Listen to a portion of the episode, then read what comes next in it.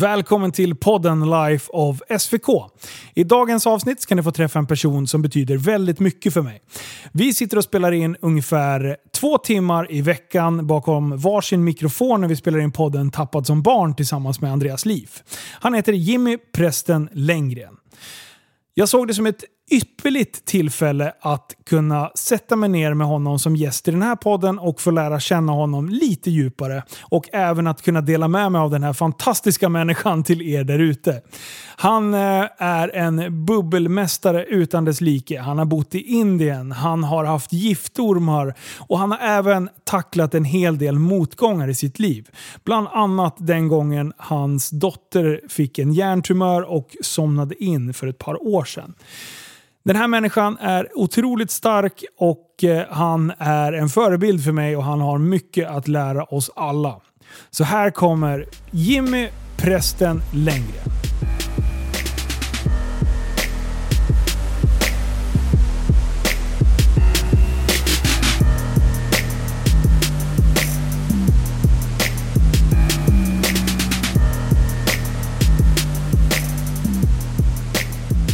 Välkommen till studion, min eh, kära parallellslalompolare Jimmy Prästen Längren. Tackar, tackar! Haha!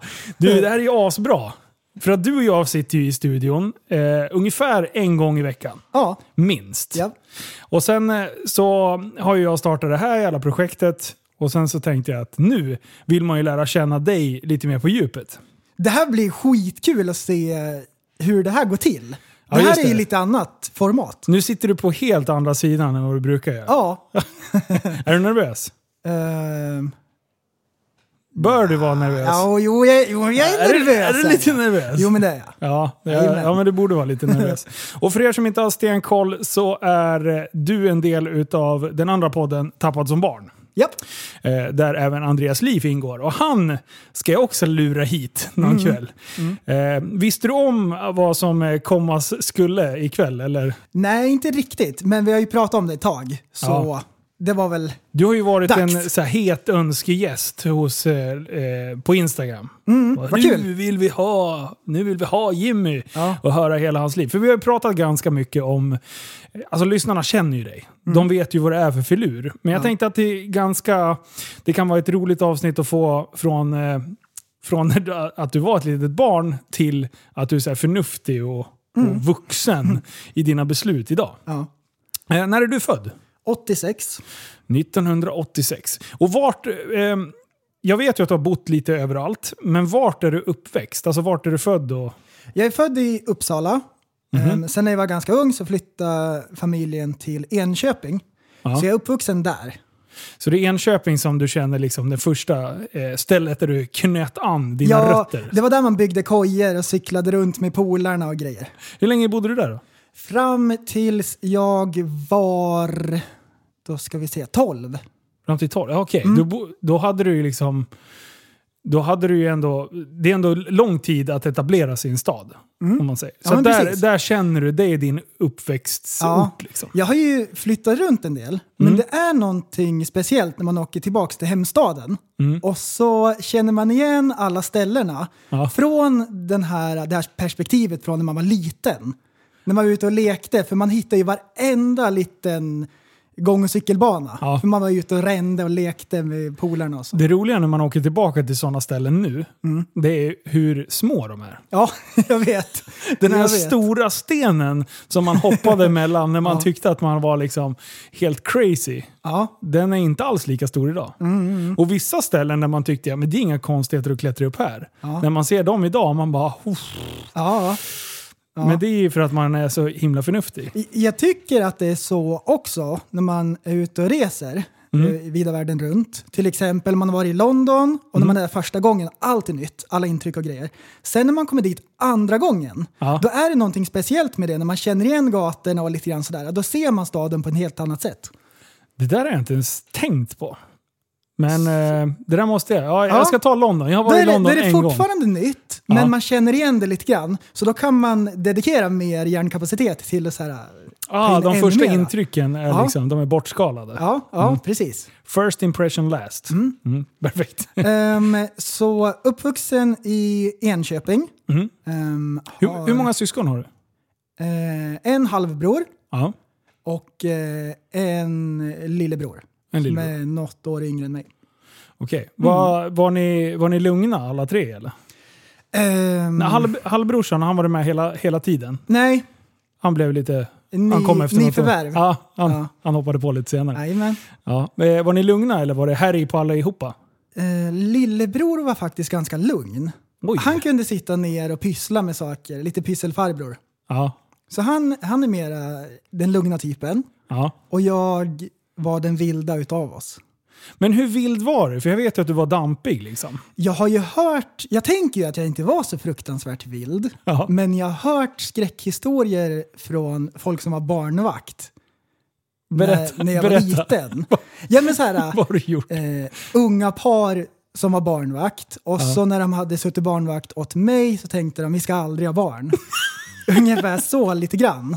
Så man kan säga att Ehm. som ung så var du ett av de bästa och mest effektiva preventivmedlen. Ja, är det, så är det kan så? man säga. Är det så jag ska säga det? Ja men att jag flög runt hela tiden och liksom, det var aldrig... Hade du svårt att sova och liksom ta pauser där eller slå, körde du tills du slocknade? Ja, jag har faktiskt många minnen av att jag bara ligger vaken och tittar i taket. Och okej. jag, jag minns från när jag var liten att det var så jobbigt att gå och lägga sig för det var så fruktansvärt tråkigt. Ha, nu ska man ligga här i en timme eller två och Ja. vänta på att man ska bli trött. Men eh, du, du, du fick ju en diagnos full, långt senare. Jag tänkte att vi ska ta det, men, men eh, så att folk förstår det redan från början. Ja. Eh, när, när fick du din diagnos? Eh, ADHD Ja, för eh, sex år sedan. ja och down syndrom kom... Oj då. Oj då. Eh, nej, ADHD, det var faktiskt eh, min fru som sa att ja, men kan du inte kolla upp bara? Åk ner till sjukan och, och, och kolla upp så får du höra vad de säger. Och jag tyckte att hon överdrev. Ja. Därför jag hade en bild av ADHD att man är hyper exakt hela tiden. Och det är jag ju inte. Jag sitter ju ner och chillar ibland och inte gör så mycket. Så, så för mig så, så kändes det lite främmande. Ja. Men jag googlade lite grann, läste på lite grann och kollade symptomen och så vidare. Och så var det jättemycket som stämde in. Så tänkte jag att jo men eh, ja, kanske är så. Så, eh, så jag gjorde en, en undersökning då. då. Och då, då placerade de mig på skalan, inte super mycket ADHD, inte jättelite, utan precis i mitten. Ja. Ehm, så det var intressant, ändå ganska sent i livet. Ja, det, vi räknar ut att det är ungefär Men- sex år sedan. Ish. Det var fyra år sedan innan, eh, nej, två år innan vi började podda och det var för fyra år sedan. Eh, och då, vårat första avsnitt på Tappat som barn som vi körde heter ju just diagnoser. Eh, så det kan ni gå och lyssna på. Där, är- det, det är ganska informativt kan jag tycka. Ja, vi var ganska strukturerade då. Då var det så här. Du var strukturerad. Du hade Ja. med dig så mycket papper. Ja, jag var dogmatisk. Ja. Men, eh, så det de gjorde då, det var att eh, jag fick en medicin, Ja. Ritalin, som skulle vara lite lugnande. ehm, och som skulle göra att jag skulle vara mer koncentrerad. Ja. Till exempel så var en av de, de grejerna som man pratar om det innan, innan de sätter in medicin, så sa jag att ehm, det vore ju bra att kunna vara mer närvarande när jag är med barnen, eh, komma ihåg saker hemma, eh, mindre yvigt och sådana saker. Ehm, så, så då började jag med Ritalin och eh, tog det två år eller något liknande. Mm. Ehm, jag tyckte att eh, det hade ändå en, en, en bra effekt. ja. Det höjer blodtrycket lite grann. Okej. Så det är en av nackdelarna, det får man ju väga för och nackdelar så, för, för att de ska ge ut medicin. Ehm, och så får man gå till sjukan, kolla blodtrycket och så. Ehm, sen så, Men- tänkte jag, så tänkte jag att ah, men, eh, vi provar utan, för till slut så vänjer man sig med den medicinen och så får, man, så får man ta in andra sätt att hantera det på bara. Ja. Men jag tänker så här, vi, vi går tillbaka till den lite grann. För jag skulle vilja koppla, ordning, eh, eller koppla ihop den, just den diagnosen med dig som barn. Ja. Eh, mycket, mycket av diskussionerna som är i, runt om i samhället när man pratar, det är, pratar just diagnoser, är ju att man inte ska liksom sätta en label på barn vet. tidigt. Hur, hur anser du om det? Hur hade det funkat för dig? Ehm, Om du hade fått din diagnos tidigt liksom? ja, jag vet inte om det hade gjort så stor skillnad egentligen. Som liten, så vad betyder det? Nej. Vad betyder ens ADHD? Vad, vad då? Ehm, Om man tänker på att en sån diagnos hade kunnat, kan, även fast den inte kanske påverkar dig, så påverkar den indirekt Mm. om folk i din närhet hade kunnat behandla dig på ett annat sätt. Jo men precis. Det tror, jag kan vara, det tror jag kan vara till stor hjälp för Mm. barn som är hyperaktiva. Att man, eh, man kan tackla situationen lite annorlunda då. Om vi Ja. säger att vi har ett barn som är superaktivt och det är här i hela tiden. Ja. Att man vet hur man ska gå tillväga och så. Men vi säger att eh, unge Jimmy är superdampig, kan inte sitta still liksom. Och sen vill jag make a statement till dig. Jag är lärare säger vi. Så vill jag att nu sitter du fan still här liksom. Sätter lite hårt mot hårt, ger kvarsittningar eller eh, tvingar dig att sitta själv i ett rum. och liksom, Hur funkar det mot någon med ADHD? Det är ju så det har varit hela mitt liv, hela min uppväxt. Och det är så. Ja, hela tiden. Hur har du liksom Ehm, tolkat eller det- mottagit? Det, det hjälper ingenting. Noll hjälper det. I Mm. alla fall i mitt fall. Ja. Ehm, så jag har suttit så mycket kvarsittning så det liknar ingenting. Mm. Ehm, och så, så här, ehm, I skolan fick man ha kvarsittning så skulle man skriva på en lapp. Jag ska inte bla bla bla, vad det nu än var. Lite som Kasta Bart, suddgum. Bart Simpson gör Ja, men, han skriver ja, på tavlan. Ja, så här, 300 gånger Ja. på en rad. Ska man sitta och skriva det? Det hjälper noll. Vadå, de har, de har gjort så mot dig? What? Ehm, Det visste jag faktiskt inte att man gjorde i Sverige. så, så, Jag trodde det var så amerikansk men, filmgrej. liksom. men ADHD som diagnos, det är en ganska ny grej. Och man har gjort mycket forskning på det och sådär. ja. Och då har man märkt att det hjälper bättre med, att, eh, med fysiska aktiviteter. Ja. Och sådana... Trö, trötta ut kroppen mer. Än, Jag vet att de har i skolan nu för tiden, så kan de ha, ge till barnen en liten boll under bänken som de rullar runt med fötterna. ja. Så håller de på med den, eller någon sån här liten grej att pillra med med händerna. det, det berättade mina barn också nu i skolan. Att eh, de har, det finns som en, som en liten så här trampcykel. Alltså, det, Så de har fan en liten träningscykel under. ja. Och sen får de ha, ha andra grejer. De får ju ha med sig bollar och stressbollar och såna här grejer. ja. Eh, så att, på ett sätt så kan jag ju säga, det finns ju ändå några som kommer gå under radarn och bli, alltså att man utnyttjar det här. Det är ju inte, alltså, eh, ibland, så, jag för- försöker i alla fall lära mina barn, det är bra att ha tråkigt. Alltså, det är då idé, de sjuka idéerna och den, den galna fantasin sätter igång. När man har tråkigt. Det är, alltså, att bli matad hela tiden med saker gör ju att man blir ganska... Man blir ju inte så tålmodig som person. Ja. Och det, om man ska möta vuxenlivet så är det ju stå ut med tristessen och motgångarna. Då kommer du ganska långt som vuxen. ja, och motsatsen är ju då att man bara är tillfreds med allting hela tiden. Ja, Då är det inte många knop. nej. Om man bara är nöjd hela tiden. Och Ja, det, ja, det, det är ju en jävla balansgång. jag gillar För- att sitta här. Ja. Då, ja, det är en balansgång. Så att det- jag, jag köper ju hela den här grejen som vi tacklar med nu. Att det just finns redskap att ta till för att ta bort de här, det, det, udden av den här extrema tristessen. Eller, eller inte tristessen, utan eh, Rastlösheten. rastlösheten Ja, ja. hyperdelen. Liksom. Ehm, lite grann hur ADHD fungerar, för det kan ändå vara intressant. Yes. Ehm, folk som har ADHD, de har en lägre grundnivå av ehm, dopamin. Vi kan- Den finns det en lägre grundnivå utav. Ja. Ja. Så att man hela tiden vill göra någonting för att höja den i hjärnan. Mm. Um, helst då någonting som man tycker är kul eller intressant eller så att det händer någonting överhuvudtaget. Ja. Ehm, och det liknar ungefär hur ett barn fungerar. Det är därför barn gör saker, hittar på, leker mycket hela tiden och sådär. Mm. Och i vuxen ålder så, så jämnar det ut för, för normala människor. Men för folk med ADHD så, så, lever, man, liksom? så lever man längre med en låg nivå. Okej.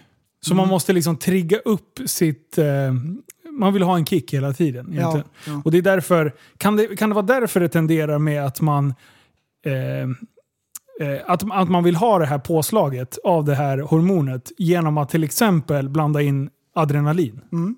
För att den kickar liksom upp den nivån. Mm. Ja. Men eh, hur, hur känner du liksom att eh, du har blivit bemött utav vuxenlivet eh, som barn? Sådär? Känner du besviken liksom, på hur man blivit bemött? Men jag tänkte med alla kvarsittningar och sånt. Eller eh, har du liksom en förståelse för att man visste inte bättre? Liksom? Ehm, jag har varit ganska obrydd och ganska ointresserad. Ja. Men lite grann har man väl varit lite så här rebellisk. Ja. Har det väl blivit utav det hela. Jag har varit ganska stökig och sådär. Är det, är det, vilken ålder pratar vi när det, när det började? Liksom? Oj, dagis. Aha, okej. Ja, från start. Ja, det är från start. Men eh, det har ju aldrig varit något elakt i dig. Utan det är bara liksom... Eller har du känt så här att det är Ehm, lite fuck the world? Nu på äldre dagar Ja. så vet jag att jag har inte brytt mig om konsekven- att, att det påverkar andra. Ah, okej. Jag var ganska så här i, i min egna värld. Inte medvetet gå ut för att eh, skada andra eller störa andra eller så. Eh, men det har ju blivit så. Ja. Och nu när jag är äldre så, så, så ser man det ju lite annorlunda. Till exempel att om man ska härja så kan man se till att det inte drabbar någon annan. Nej, men precis. Sådana enkla saker. Till exempel som att eh, köra hoj hela nätterna inne i stan när Ja. folk ska gå och lägga sig. Ja, men det är ett bra exempel. Eh, det, det, det, det växer ju med tiden. Att man inser att det är Mm. Ja, dumt och Det, jävlas. och det är ju för alla människor överhuvudtaget. Ja. När man växer och lär sig och man får perspektiv. Ja. Men, eh, för, för jag menar, du är ju en väldigt eh, sympatisk och em, empatisk person. Så att jag, jag, det är just det där att du inte har reflekterat över beteendet i sådana fall, att det har påverkat andra människor. Mm, ja. Det, ska, det ska poängteras att som jag känner dig så är du ju väldigt varm som person. ja, jag hoppas det i alla fall. Ja. Det vill man ju. Ja. Men du, ehm, något annat så här stök i skolan? Har, har du varit liksom bråkig? Fysiskt bråkig? Har du slagits? Ehm, Har det blivit den nej, nej, inte så mycket så. Nej. Utan mest härj. Att det, att det lever om. Ja. Så att, ja men, eh, några i klassen Ja. försöker göra någonting så stör jag så mycket så jag får gå ut. Ja, då är jag ute på skolgården så knackar jag på fönstret istället. Då stör jag utifrån. ja men sådär. Så heljävlig. Ja, bara härj. Eh, Men du... ehm, Jag kommer ihåg, det var en kvarsittning. Ja. Ehm, så fick jag sitta kvar i kemisalen. Mhm. Och så satt jag där och väntade, väntade. Ehm, och så, så snodde jag en burk med magnesium. Och det brinner ju något fruktansvärt. Så det pulade jag ner i en toalett på massor med toapapper. Sprängde toan. Nej. jo. Ja. Och där kommer vi in, det, det där kommer vi in på lite senare. Mm. Din spräng. Eh, Men har du haft det lätt i skolan? Eh, Vi säger så här. Jag har inte haft något jättebra betyg faktiskt. Jag, Ja. tänker, jag tänker så här, eh, och som ADHD fungerar eh, så kan man ju liksom snöa in på saker. Man Mm. Ja. kan ju liksom nörda in. Ja. Så jag kan tänka mig så här, har du haft en bra lärare som har varit ganska liksom inspirerat dig, Ja. så, så hade du nog kunnat vara grym i skolan. För, om du liksom hade förstått Jo. varför du hade gjort det. Ja, men så är det absolut. De ämnena som jag tyckte om gick det bra i och så många andra inte så bra. Jag, Ja. har, jag, har inte, jag samlade betygsdokument ifrån eh, gymnasiet. Ja. Det Men du gick inte ändå gymnasiet klart. liksom. Ja. Det var mycket frånvaro. ja. Det är synd att man var så fruktansvärt ointresserad av skolan då. Men vad, vad, vad beror det på då? För du är jävligt intresserad idag om allting. Ja, och lära mig saker ja. Ja. Ja, eh, ja det fanns mycket annat som var kul. Kan det liksom ha varit att du hamnade i det facket? Att den här killen han är bråkig och sen har de inte liksom lagt ner någon energi på det? Eller, för du har ju ändå bytt skola sen. Mm. Eh, för vi, vi kan ta det. När du fyllde 12, Mm. då flyttade du igen. Och då har du liksom bytt. Då, då flyttade du till en annan stad som ingen känner i. Ja, Vart flyttade du då? då flyttade vi utomlands. Aha! Jajamän. Jag trodde det var då det Då- hamnade uppåt. Nej, Okej. då, då flyttade hela vår familj till Indien. och eh, mina föräldrar var missionärer. Ah, Japp. okej. Så det, det är direkt då från 12 års ålder till Indien? Vi mellanlandade i Bangladesh ett Ja. år, som är ett land bredvid Indien. Ja, För där fanns det en svensk skola. Okej. Och då var tanken då att vi kunde arbeta upp eh, eh, engelskan och fortfarande gå på en svensk skola. Ehm, och så en liten mjuklandning, att lära sig kulturen och hur allting fungerar och bo där nere. Ehm, Hur var det?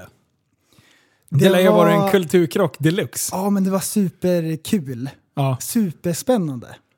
Ehm, det är så grymt mycket folk överallt. Mm. Det är det som är, det är så ovant. Om man går ut i, i skogen och slår en båge, då sitter det någon uppe i trädet och tittar på en.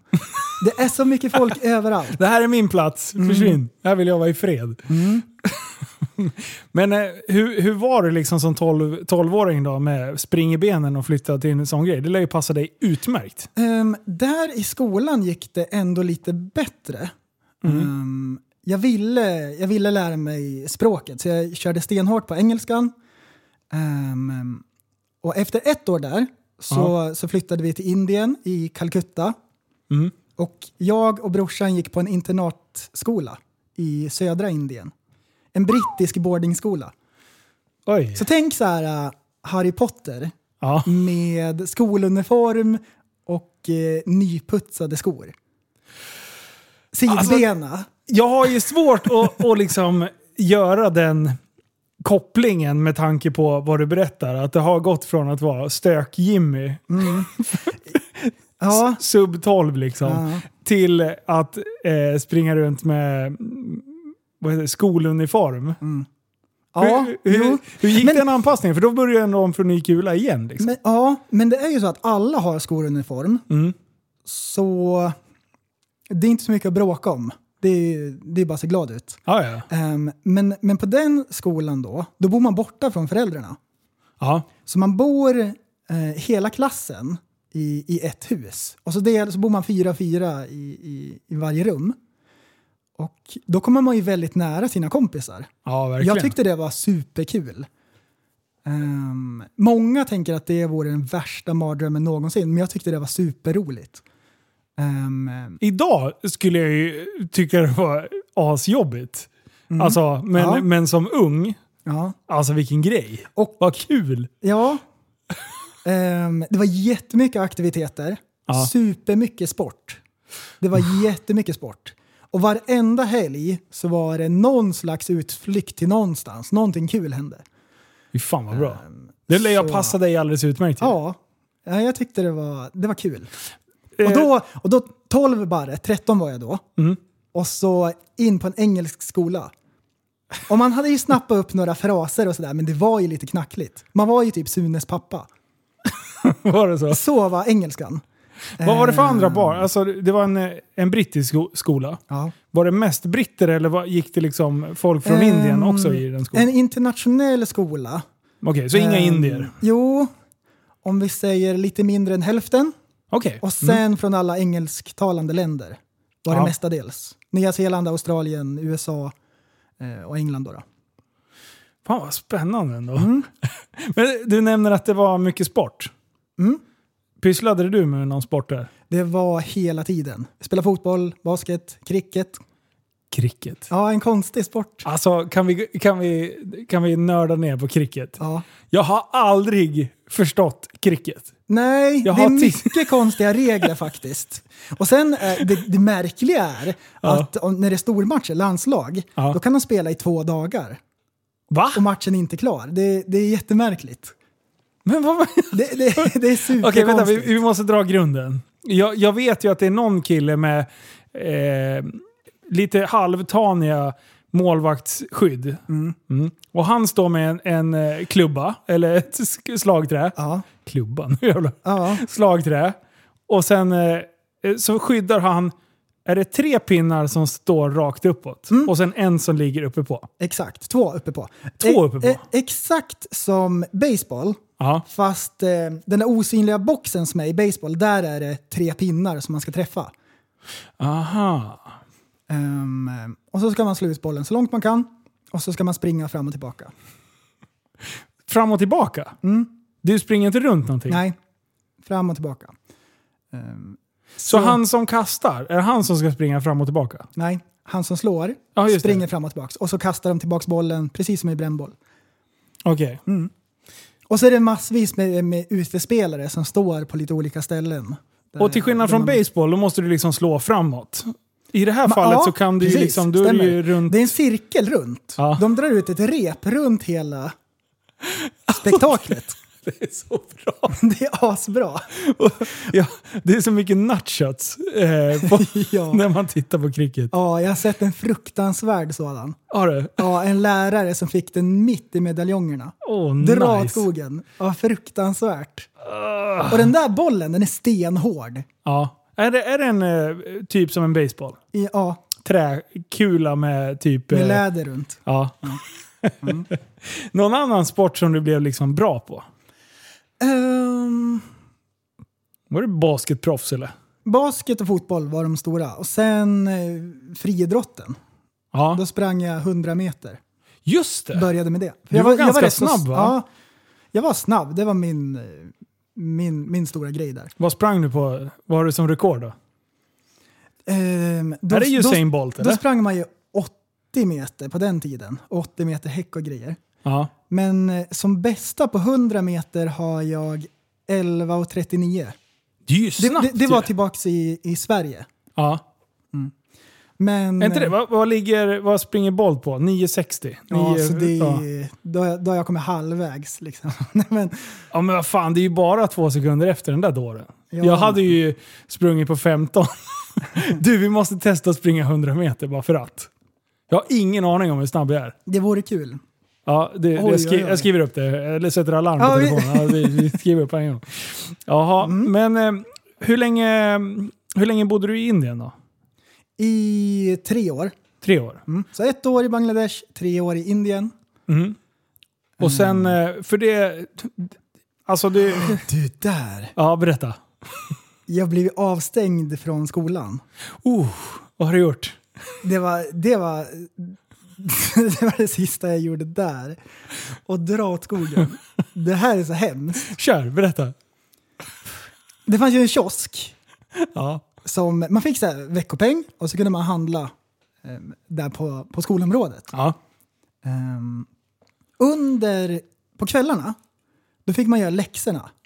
Då hade man en timme då alla satt i matsalen Ja. och så gjorde man läxorna. I mitten där så hade man en bensträckare. Och vi, jag och två kompisar, vi stack iväg och så hade vi snott en bultsax. Vi klippte upp låset där till, eh, Till kiosken. kiosken. Och så drog vi in där och, och packade på oss byst med godis. Ja. Och, och, och tog med oss och gömde undan inne på där vi bodde. ja. Sen gjorde vi det en andra gång. Hade Men de kameror då- då eller? Då var det någon av oss som hade lämnat bultsaxen kvar. På, jaha, efter själva... Och då fick de reda på att den kom ifrån verkstaden. För tidigare hade de misstänkt att det var någon utifrån som hade gjort inbrottet. Nu visste de att det var någon på Åh skolan. nej! Och då började sökandet. Du, du, du, Och då hade man massor med godis här. Alltså. Det fick vi göra med ännu bättre. Ja. Men man gick ändå och smaskade på det där om dagarna. Ni torskade aldrig för det? jo, och till slut Brott lönar sig aldrig. så hade de märkt så här att vi gick runt och smaskade på det där och så hade de hittat någon av grabbarnas secret stash. Jättemycket godis. Mm. Och det torskade vi på. Så vart jag avstängd. Oj, oj, oj, oj, oj. Vad sa pappa Roger då? Han var inte imponerad. Var han inte det? Nej, Man kan lätt tro det annars. han var, han var missnöjd var han. Oj, oj, oj. Hur länge blev du avstängd då? Nej, det var avstängning helt. Jaha, du fick inte gå... Jaha, Religerad, heter det så? religerad. Redigerad. Redigerad. Jag vart redigerad. Du blev redigerad? Ja. Jag tror det heter så. Jag vet. inte. Ehm, Ehm. så då, men då var vi på väg hem till Sverige. Ja, okej. Och det var precis när jag började gymnasiet. Ja.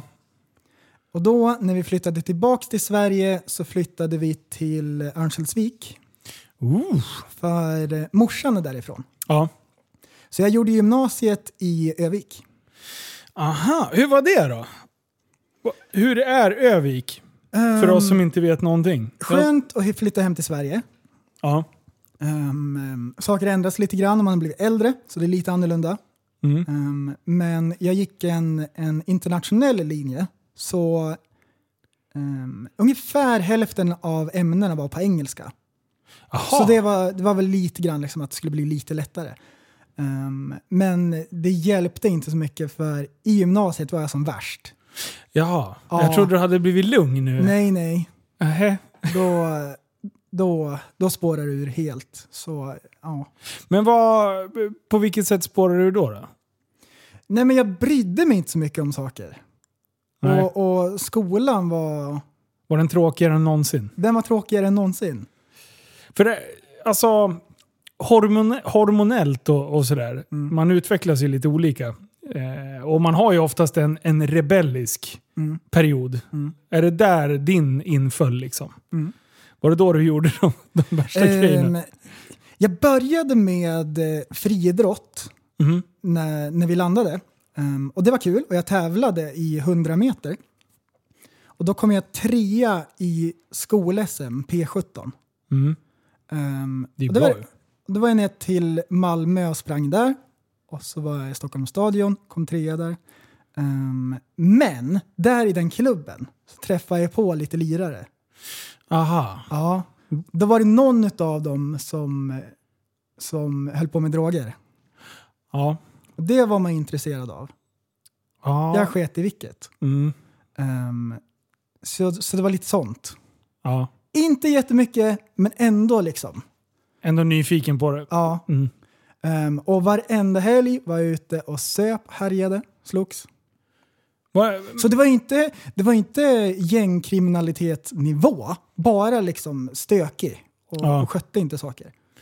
Men eh, du säger att du har blivit stökig på den här tiden. Alltså, då är det slagsmål och, och liksom eh, härj så. Mm. Eh, men eh, alkohol.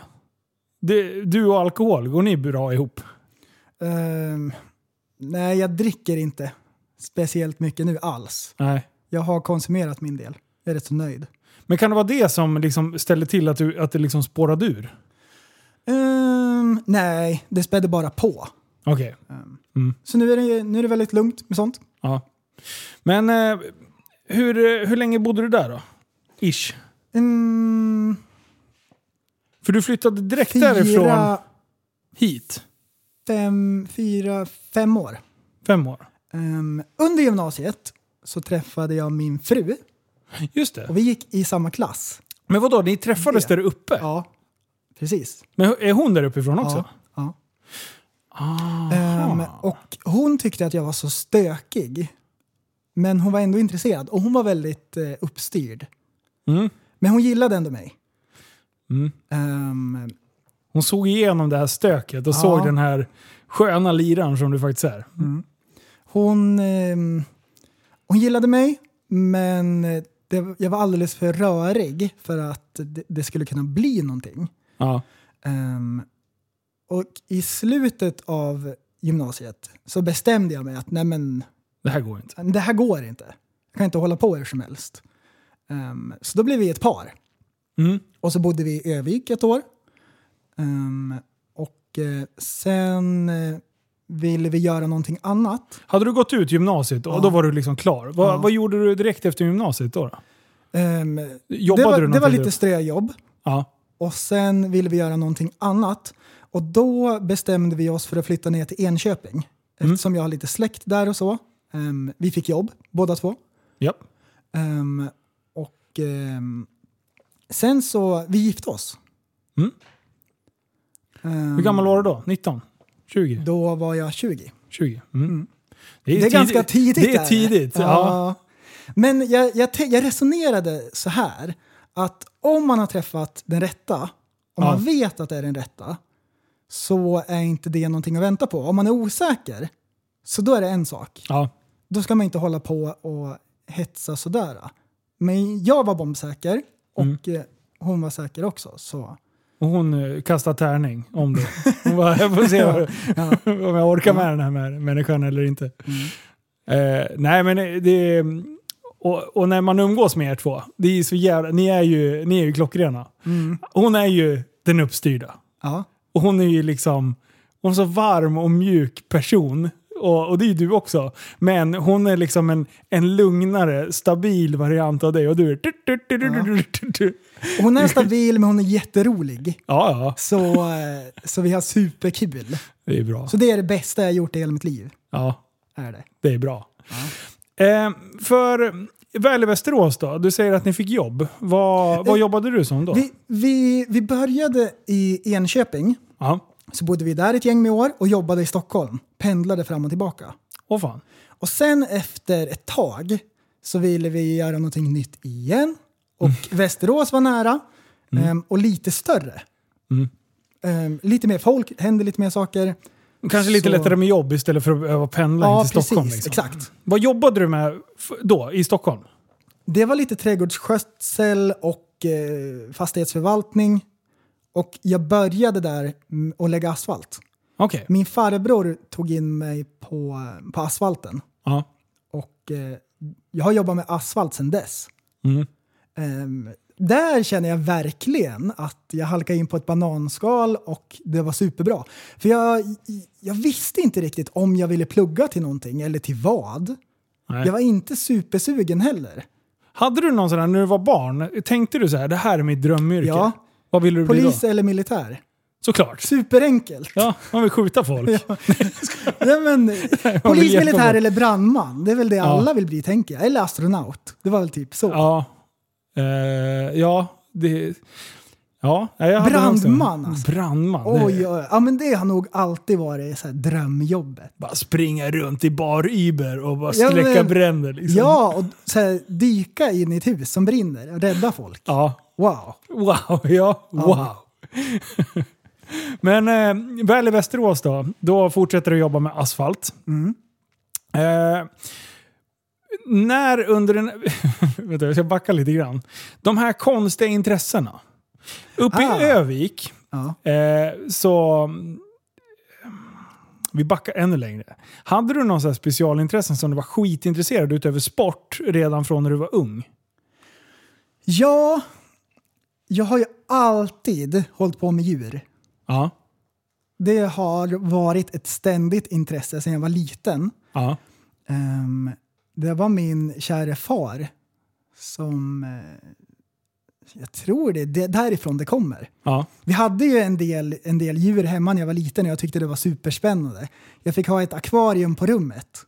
Usch. Och det var ju så Det är här, stort. Ja, men det var ju jättehäftigt att kolla på de där fiskarna när de åkte fram och tillbaka och gjorde grejer. Mm. Ehm, och så, vi hade mycket spännande djur också.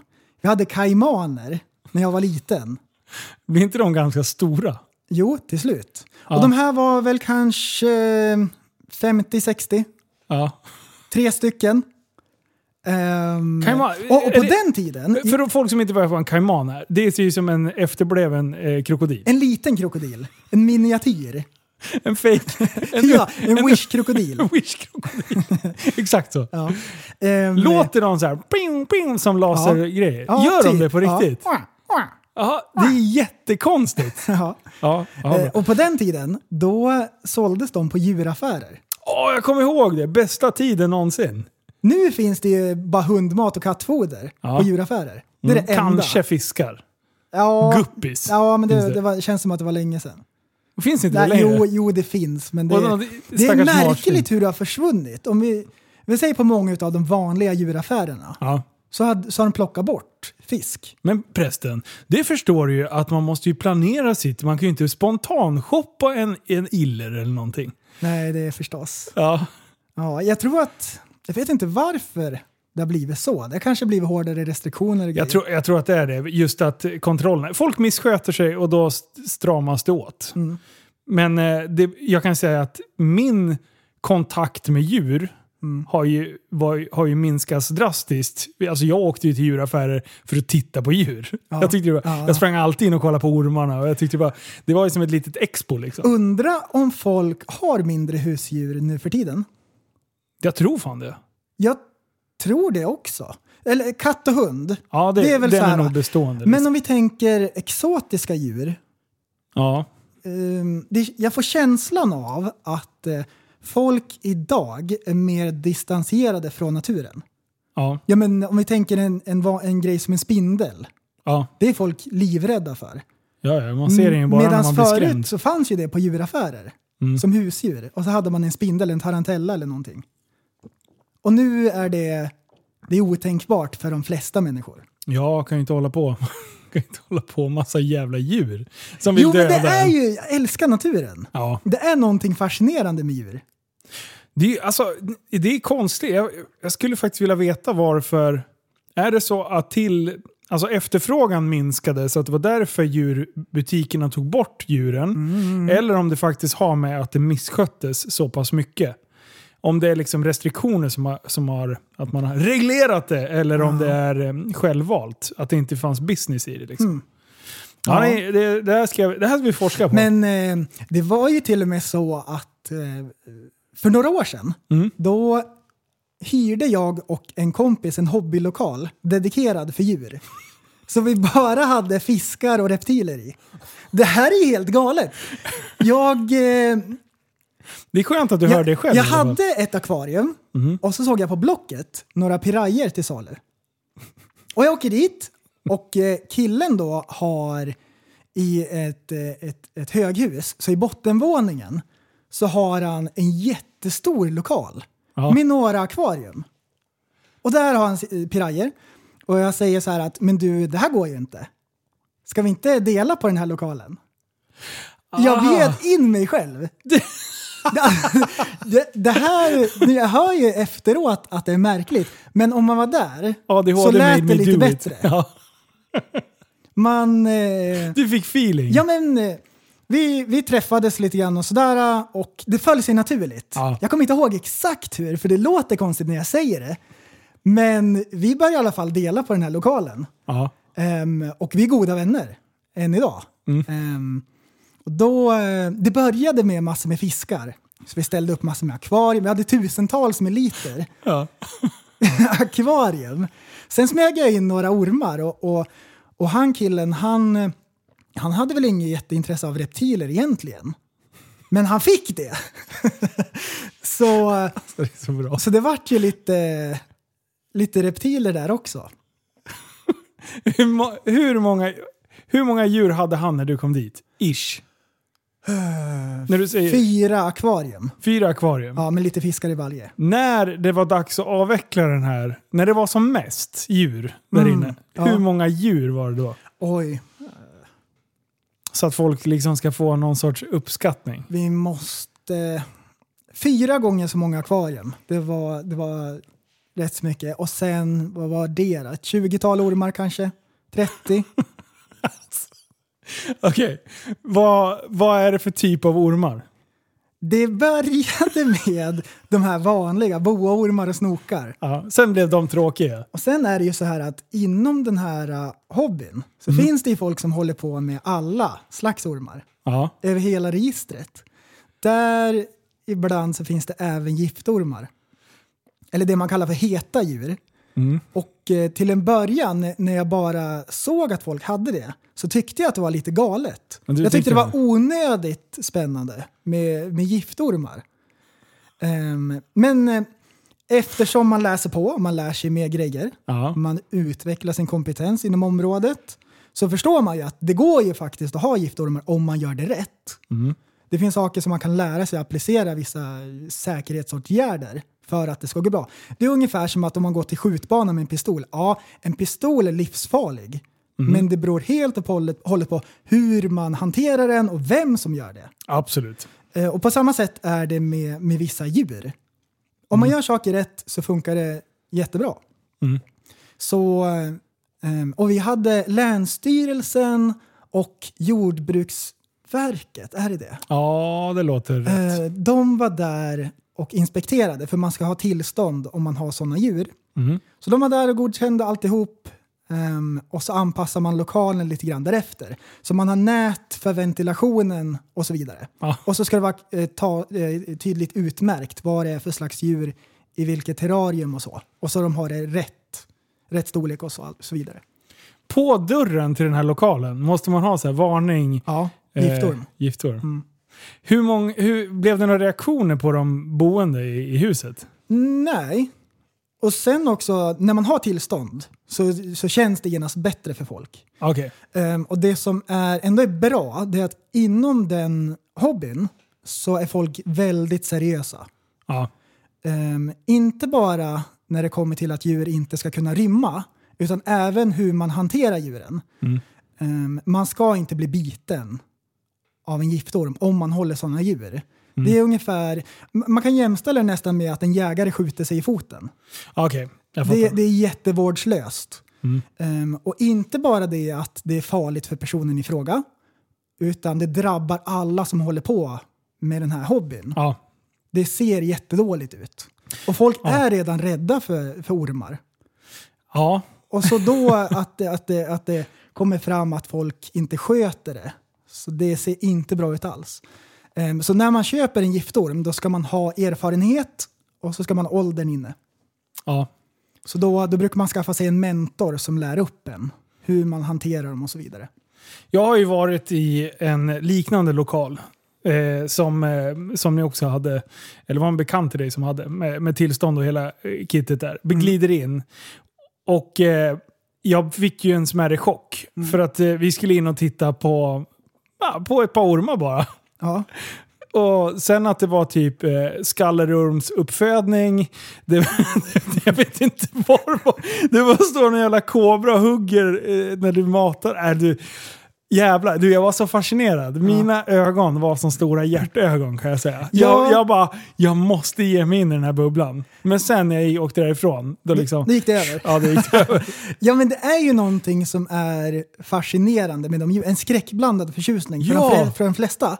Ja. För det är ju ett märkligt djur, orm. Ja. Och, och de bryr sig inte om dig ett skit. De vill inte ha med dig att göra alls. Nej, De det- blir, de blir inte tama i den bemärkelsen som en katt. De vill egentligen bara vara i fred. De kan vänja sig med att man hanterar dem. Ja. Att man inte är farlig och sådär. Men de skiter i det, gör de. Ja, det gör de. Ja. Det gör Ge mig de mat definitivt. ibland bara så jag är Och lugn. det, och det, är, det, är, det är spännande för om vi säger att eh, det är en viss art som man tycker om. Det är en fin, fin teckning, det är rätt färg och allting. Mhm. Då egentligen så kan man byta ut den mot en som ser likadan ut. Det är inte så att man, man ger dem namn och man håller på sådär. Utan det är arten som man gillar och deras särdrag.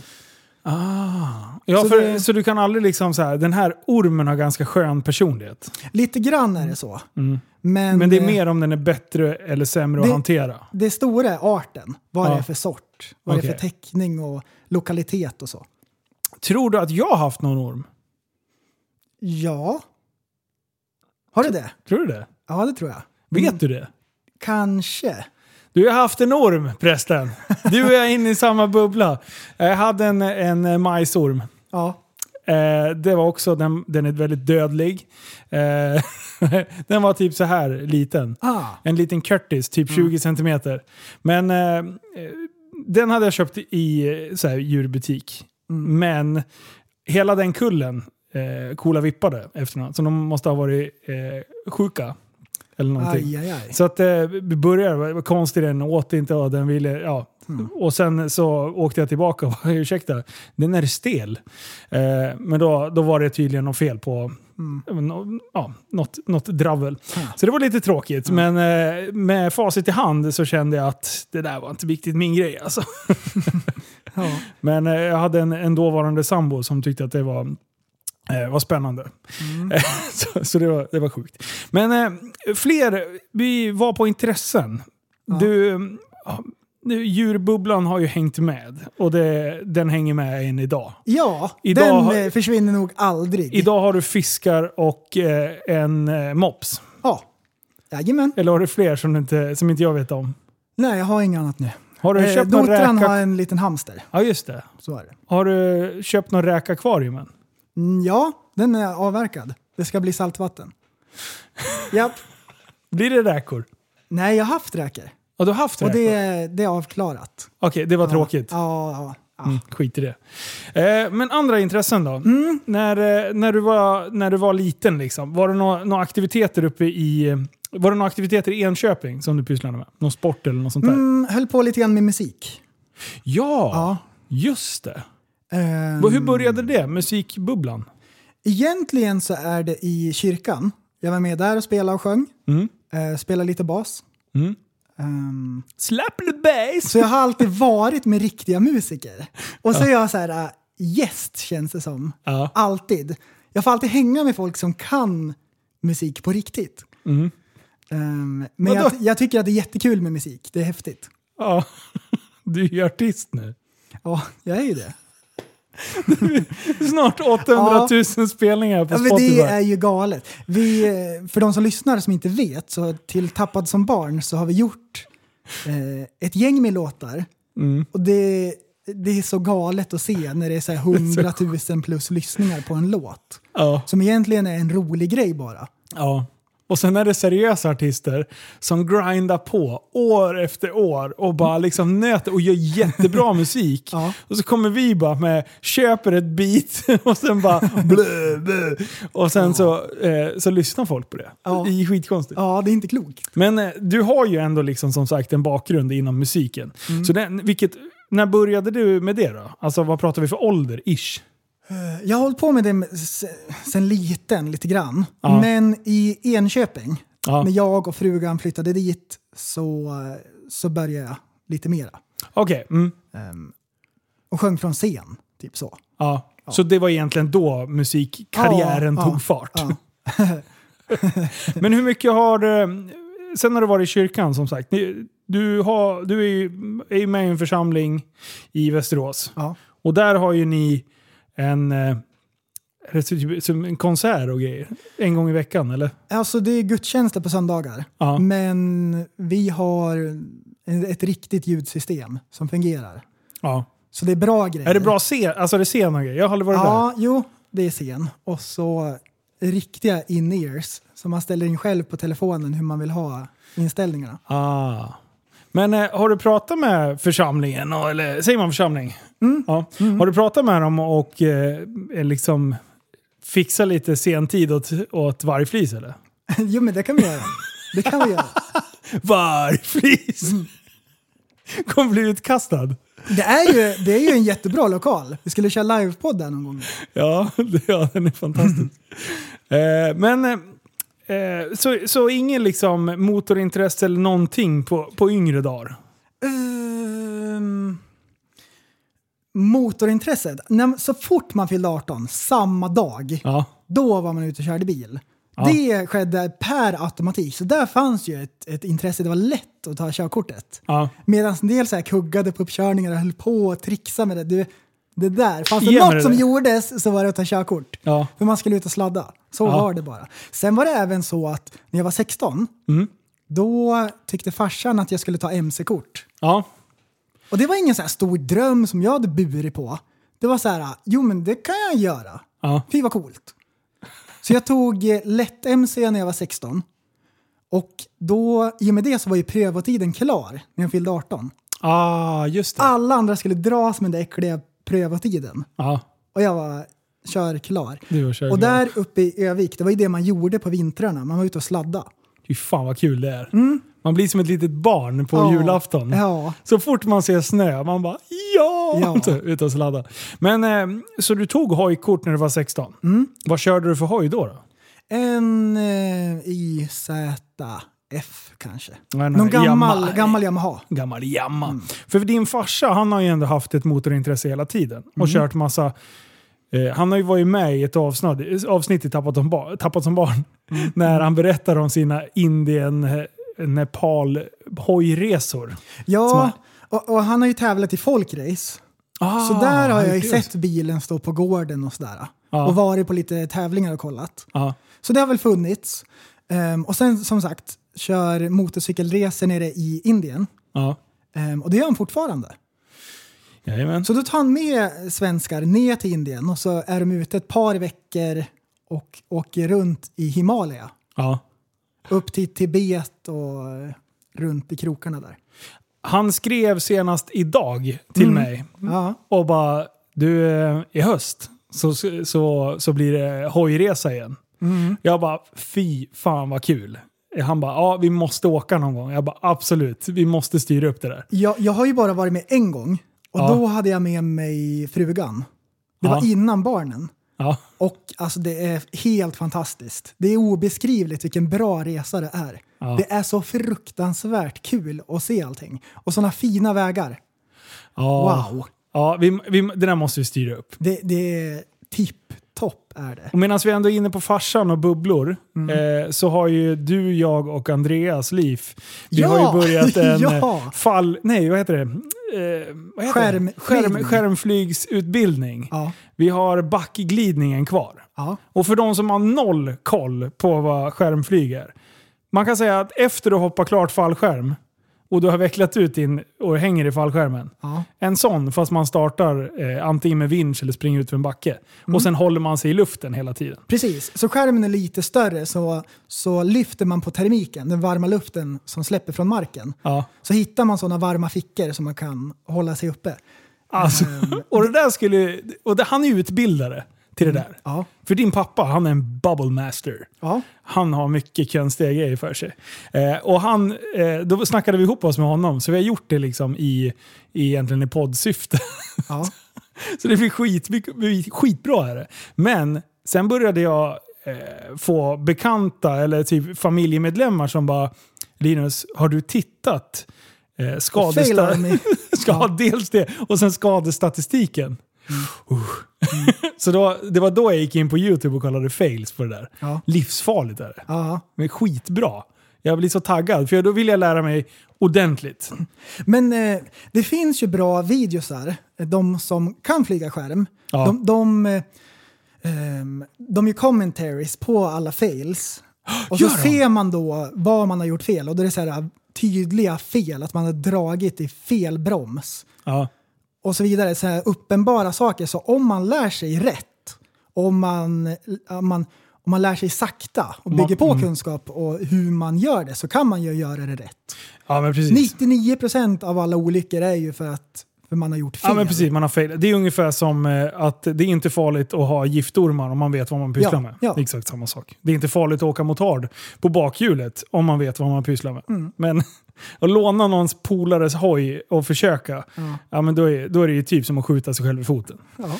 Som jägare då. Mm. Eh, men eh, Så det, det är en kul grej, det ser jag fram emot. ja, det kommer bli skitbra. När sommaren kommer, då Då ska vi ska ta det flyga. Men eh, eh, hoj, hojintresse, motorintresse, det har inte varit på yngre utan du skaffade hojkort eh, där liksom. Mm. Eh, något annat så här intresse som du har, det är musik och, och, och grejer. Det är det som har, musik och djur, det är det som har dominerat liksom. Ja. Det du har pysslat med. Ja, och sen friidrotten såklart. ja.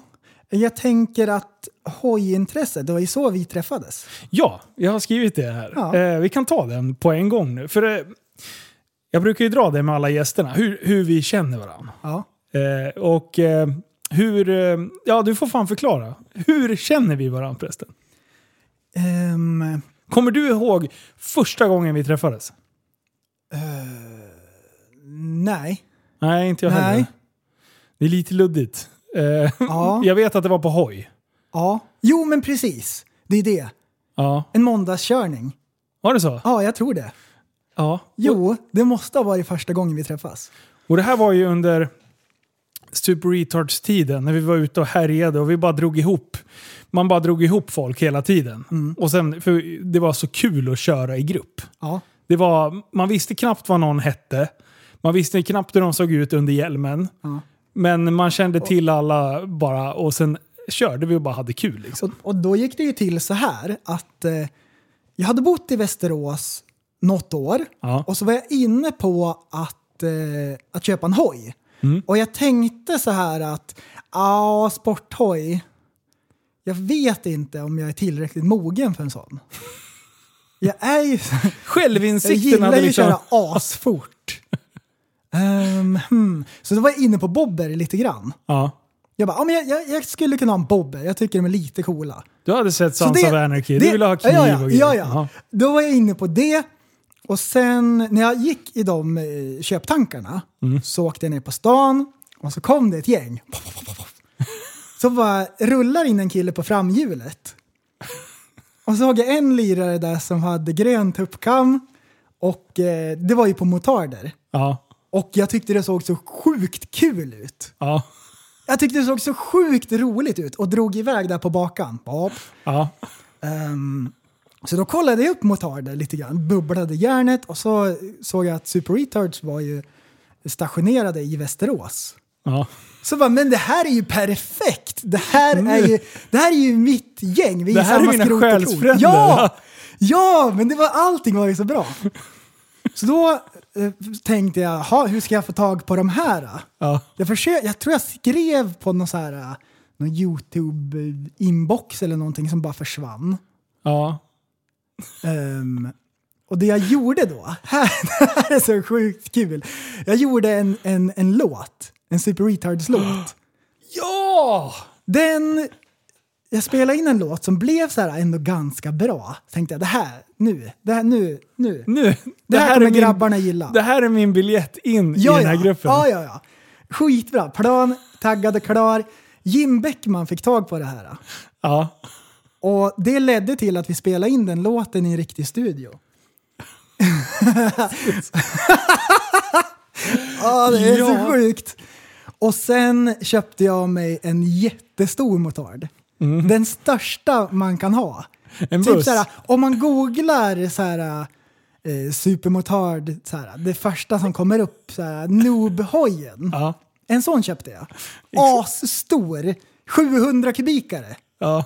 Och alla andra kör runt på en 450. ja. KTM 690. Ja. En buss. En buss. En buss. Det är som, en, det är som ett slagskepp. Den kom jag på asnöjd var jag.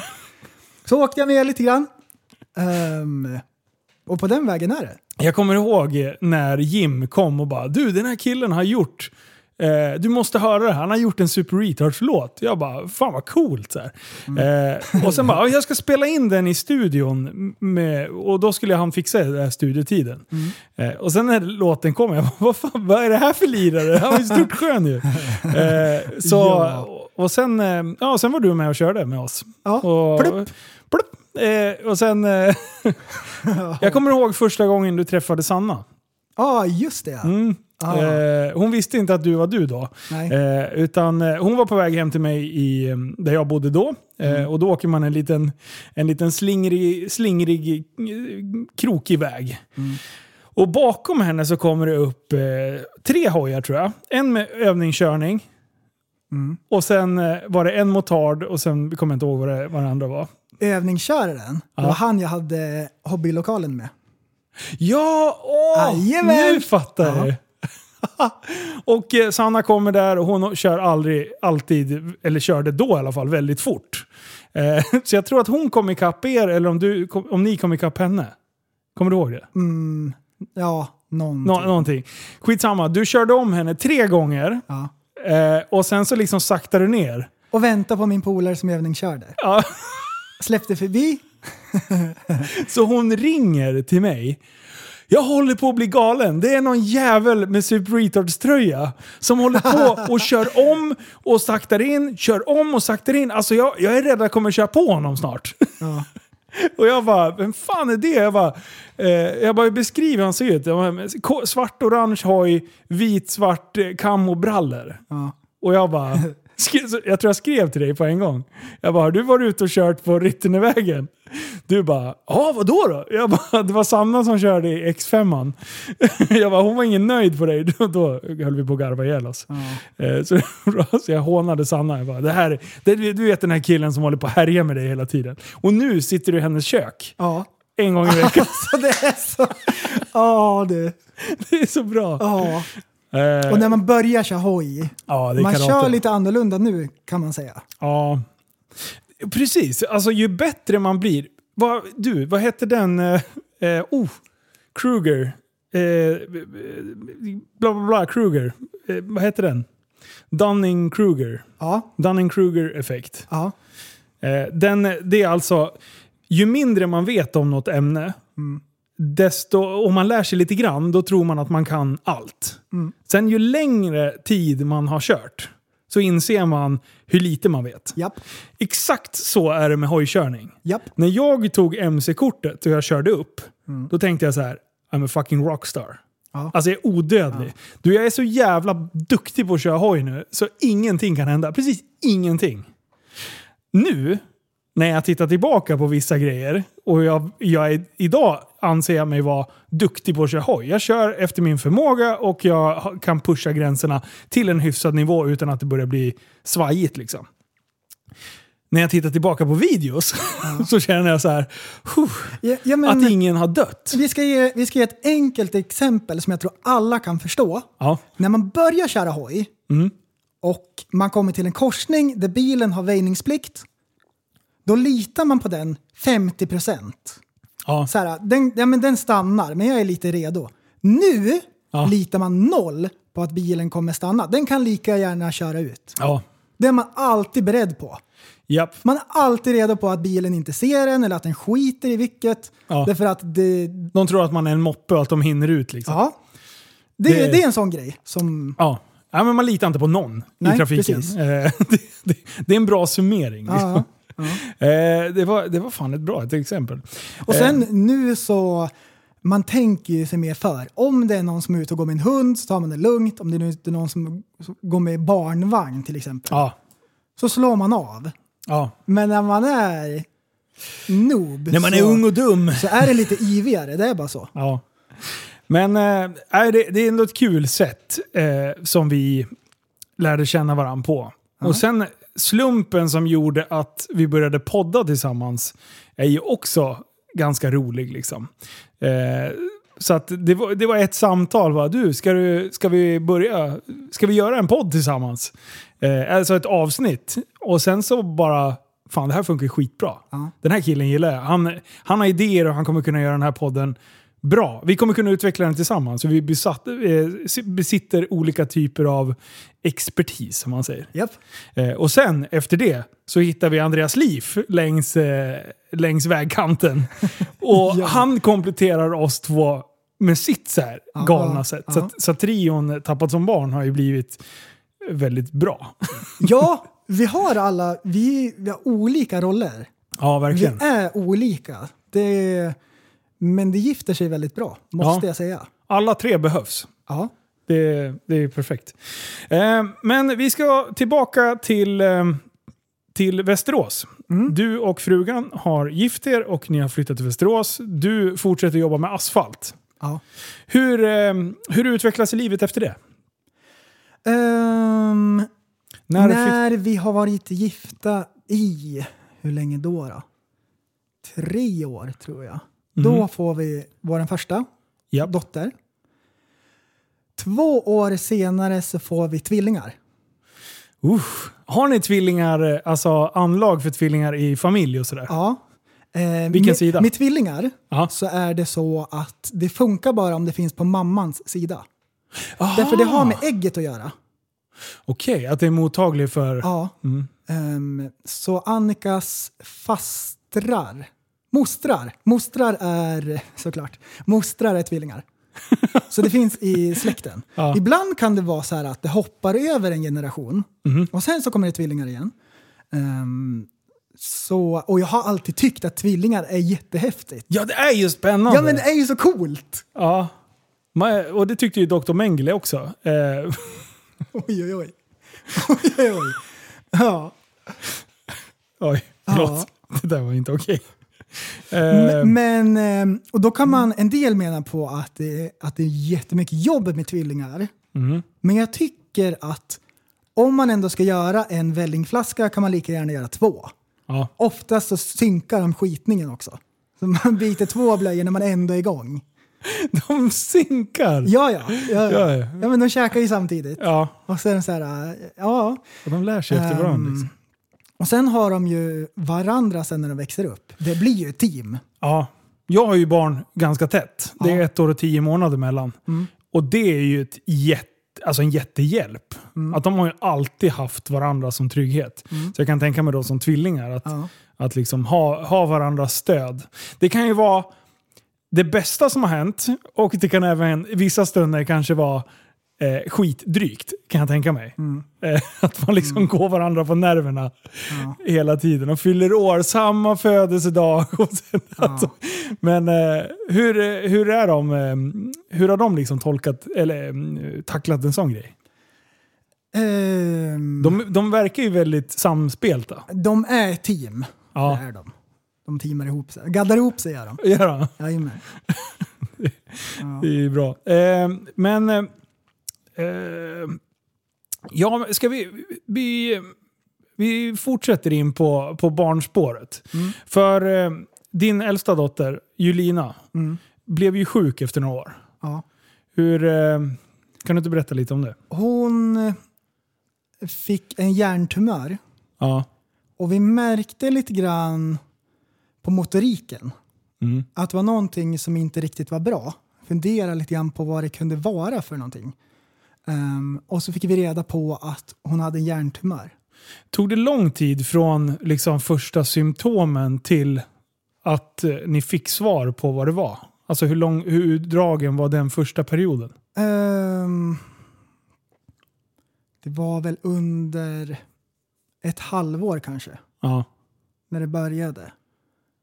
Ehm, och sen var vi inne och tog prover då och så var det en, en elak tumör Mm. i hjärnan som inte gick att ta bort på något sätt. Den sitter nära nervstammen så den, eh, den gick inte att flytta på så Ja. operera bort den. Så hon eh, gick igenom en strålningsbehandling Ja. ehm, som... eh, ja, den, var- den funkade lite grann. Ja. Gjorde den. Det vart lite bättre och så kom det tillbaka och lite sådär. I det, så pass tidigt i, i skedet, hade ni fått någon sorts eh, procent på om det skulle gå bra eller inte? Eh, det är ingen som klarar sig med den sorten. Det fick du reda på ganska tidigt. Ja. Hur, eh, hur fan tacklar man ett sånt? Ja, Besked. det är fruktansvärt. Det, det, det är en overklig situation Ja. där man skulle göra vad som helst för att, om man bara kunde byta med henne. Mm. Och så kan man inte det. Ehm. ja. Nej, Ja. Man, man gör det bästa av, av varje dag bara. Ja. Um, ta hand om henne på bästa sätt. Mm. Ehm, För vi, det var ju så, alltså vi, har ju, vi, vi är ju varandra ganska nära när det gäller, vi, som sagt vi träffas minst en, veck, en gång i veckan och sen snackar vi i telefon. Och just den här perioden när det var, jag visste inte riktigt hur man skulle bete sig. För jag förstod ju vilket skit ni gick igenom. Men du och jag kom ju fram till en ganska bra lösning som jag tycker folk kan ta vara på och, och använda. Att jag sa så här, jag finns när du behöver mig. Men däremellan så kör vi precis som att ingenting har hänt. Så att det blev som någon sorts fristad. Liksom, att vi pratade inte så mycket om det om inte du kände att du behövde. Och sen så... Annars kan det lätt bli att ibland känna så här, "Nej, men jag vill inte ringa nu för att jag vill inte vara i vägen. Alltså, Ja, det är, det är svårt för, för vänner och bekanta också. Hur ska man göra? ja, Man vill inte vara för på heller. Nej, och hålla precis. på och fråga och nysta grejer. Liksom. Det, det vet man inte om, om, om det behövs eller om det är läge. Det är jättesvårt. Mm. Ehm, men ja, nej, det var rätt så bra. Och för mig så var det så här att eh, det var rätt så skönt att kunna åka iväg och göra någonting. ja. Så vi gjorde ju roliga grejer. ja men Och precis. härjade och, och poddade och så här.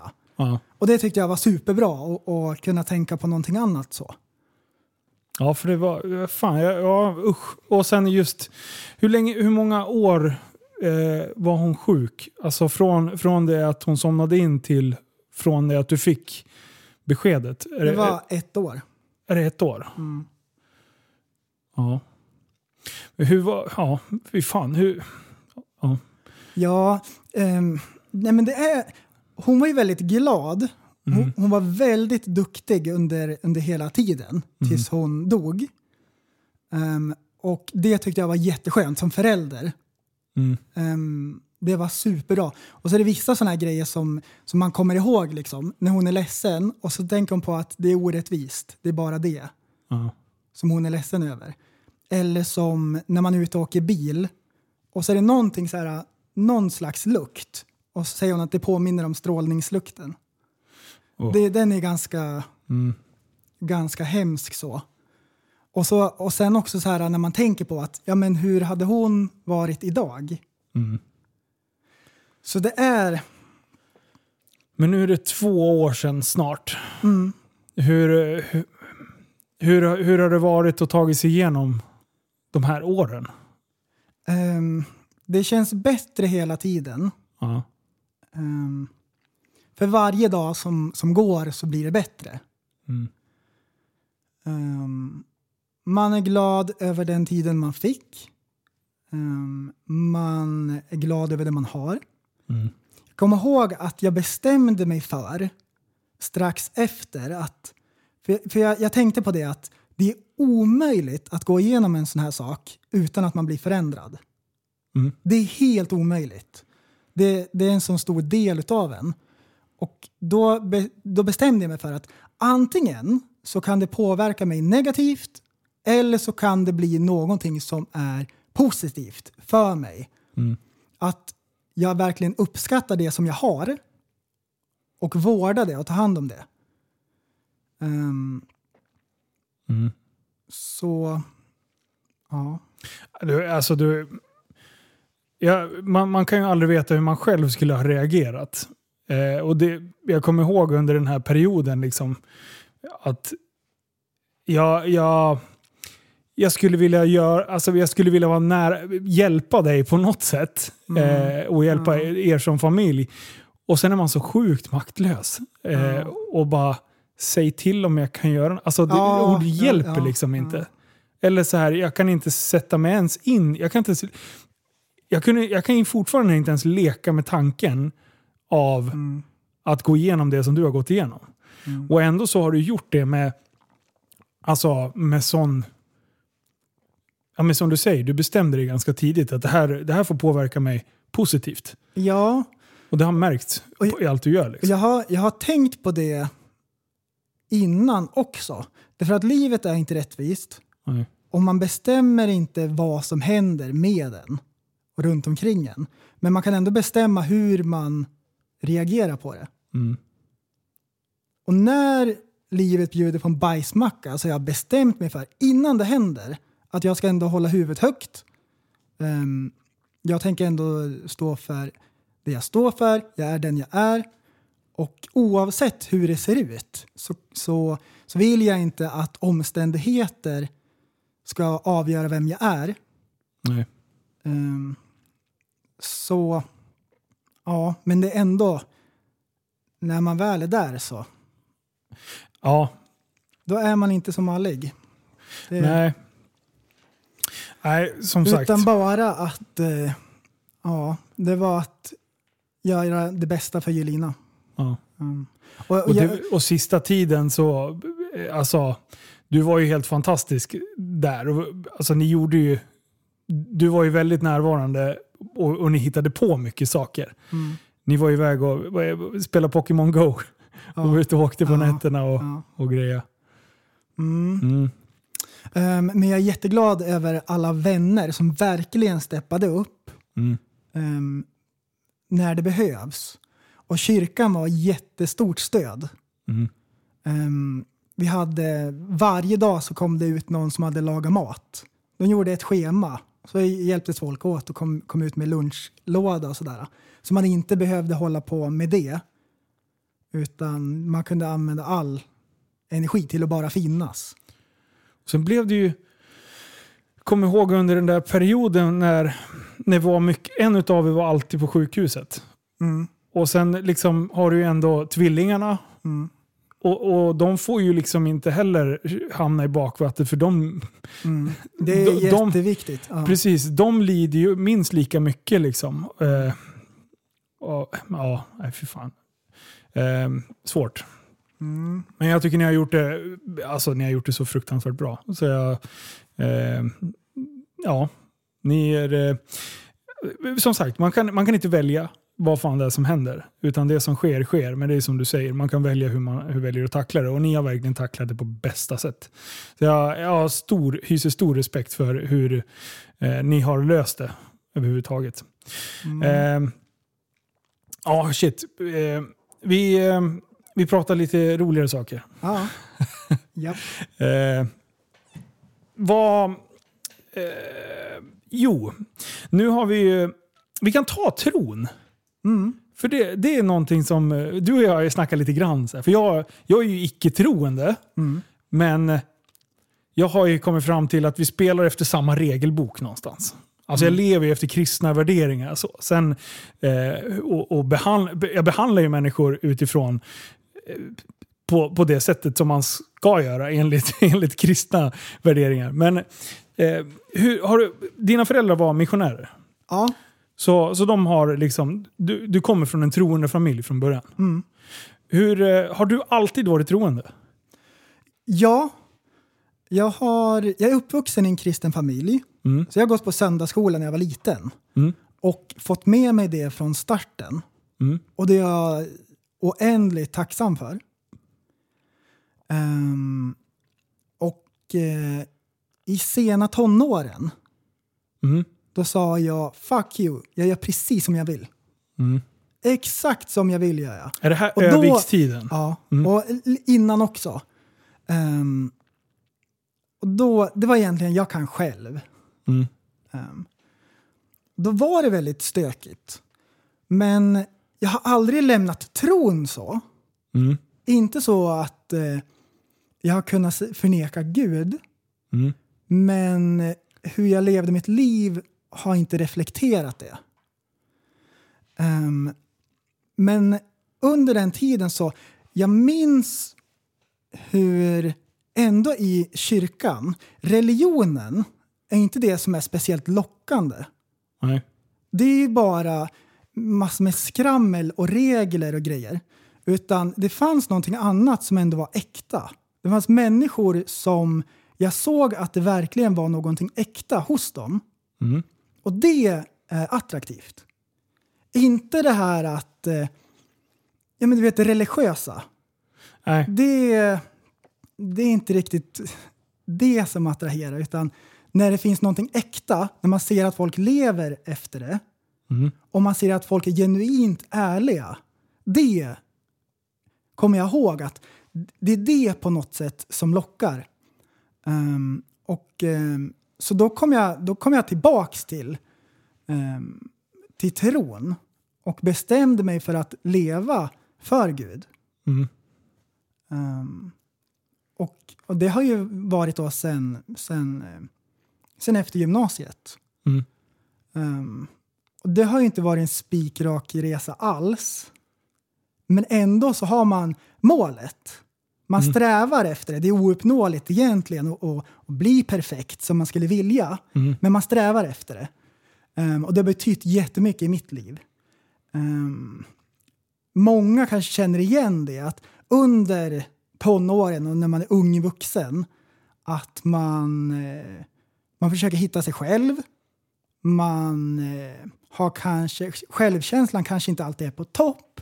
Och där för mig har det alltid betytt mycket för mig att Gud älskar mig för den jag är.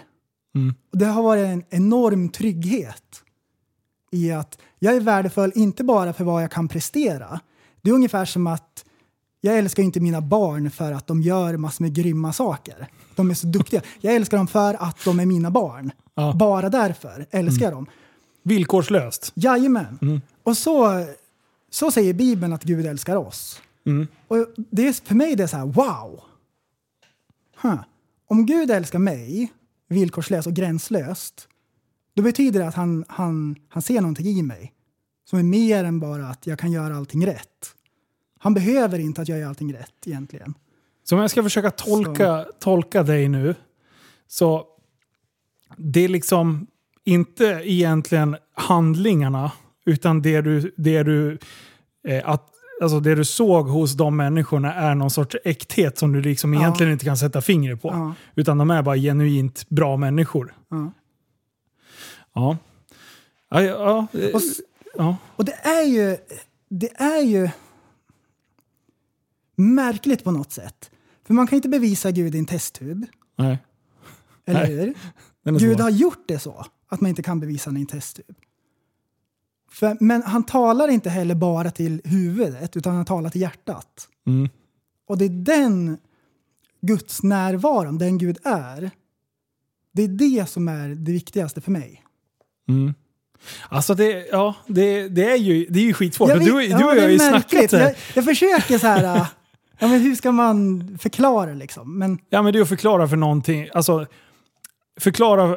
Färg för en blind. Ja men precis. ja, ja, jo, mm. lite grann. Men ja, Men det är lite roligt för du har ju haft sådana här diskussioner. För jag menar, eh, som sagt, jag, jag är inte troende. Alltså, Ja, jag, jag, ja. tror inte egentligen på någonting. Jag, om jag skulle vilja säga att jag tror på någonting, då är det Mm. godheten hos människorna. Alltså det är alltid någonting jag sagt. Jag tror att människor har en... Ja, att men- folk vill göra rätt för man sig. måste ha en positiv syn ändå. Hoppas på att det kan bli ordning på saker. Annars Ja. är det dystert alltså. Ja, det, ja men precis. Mm. Och, och det är det som man märker nu för tiden, att när folk, eh, alltså sociala mediers intåg, Ja. det liksom skalar bort den här eh, genuina delen. Alltså Mm. om du och jag sitter och pratar med varandra och du tycker att jag har en ful tröja. Mm. Du säger ju inte riktigt det till mig. Du hade kanske på sin höjd sagt så här, Ja, nej, men det är inte riktigt min typ, men, eh, men om vi skulle, alltså, det som folk beter sig mot varandra nu när du inte får den reaktionen av att om du säger till mig att du har ful tröja, då skulle du se på mig att jag tittar ner och så blir jag ledsen och bara Jaha, nej, men, ja. jag tycker att den är fin. Alltså, det, alltså, Man gör inte så.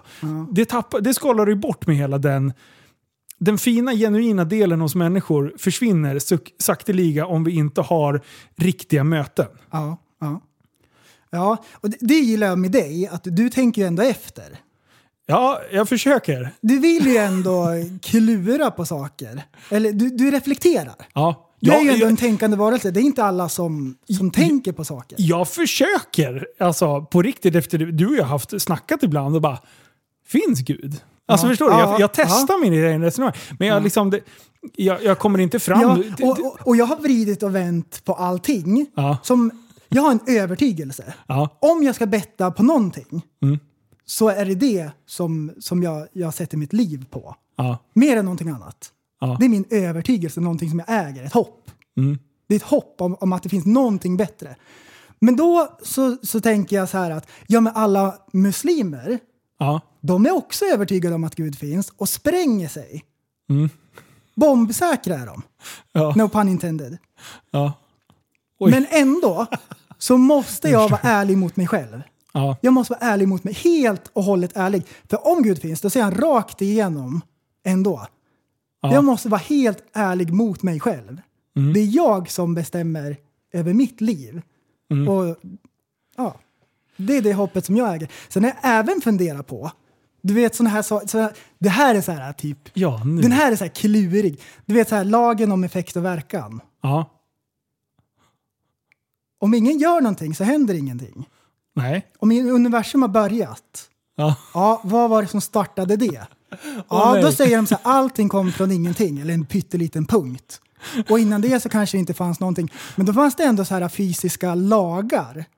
Mm. Så det är, ing, det är inte ingenting. Det är ändå någonting väldigt kraftfullt som fanns innan. Ja. Och vad var det som startade det? Den här diskussionen har vi haft många gånger. Jag, jag tror ju på evolutionsteorin.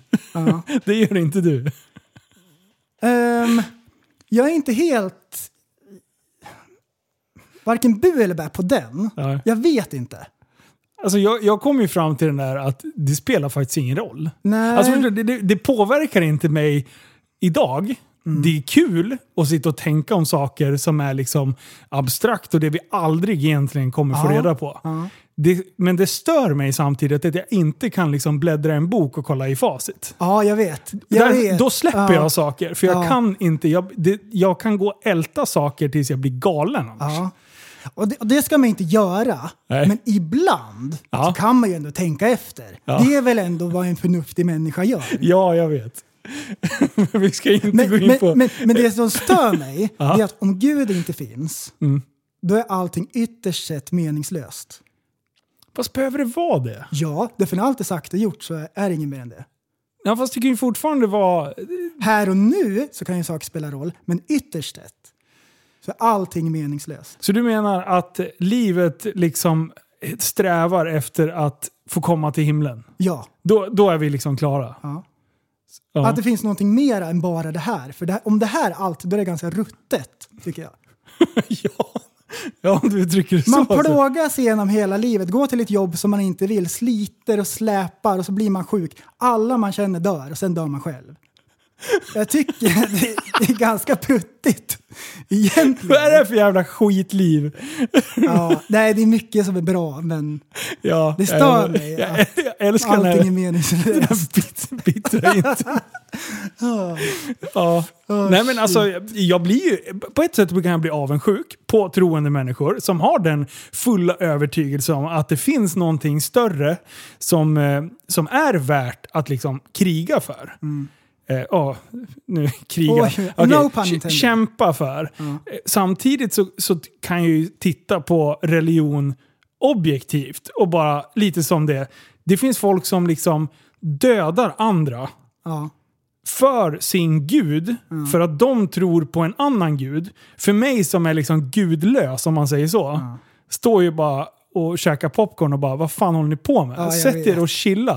Sätt på en Det film. vansinne. Ja, men det, alltså det, det är ju jättekonstigt. Och, och där också, eh, om man ska tro på någonting så vill man ju ändå att det ska bli någonting praktiskt, påtagligt. Att ja, men så här kan man göra. Att det ska ändå så här, synas på ens liv på något sätt. ja, Eller att det påverkar mig på något sätt. Mm. Positivt. ja.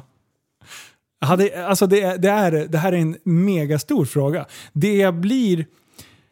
Många av mina liksom förebilder är ganska troende.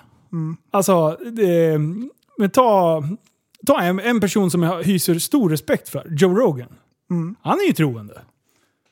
Ja, han är osäker.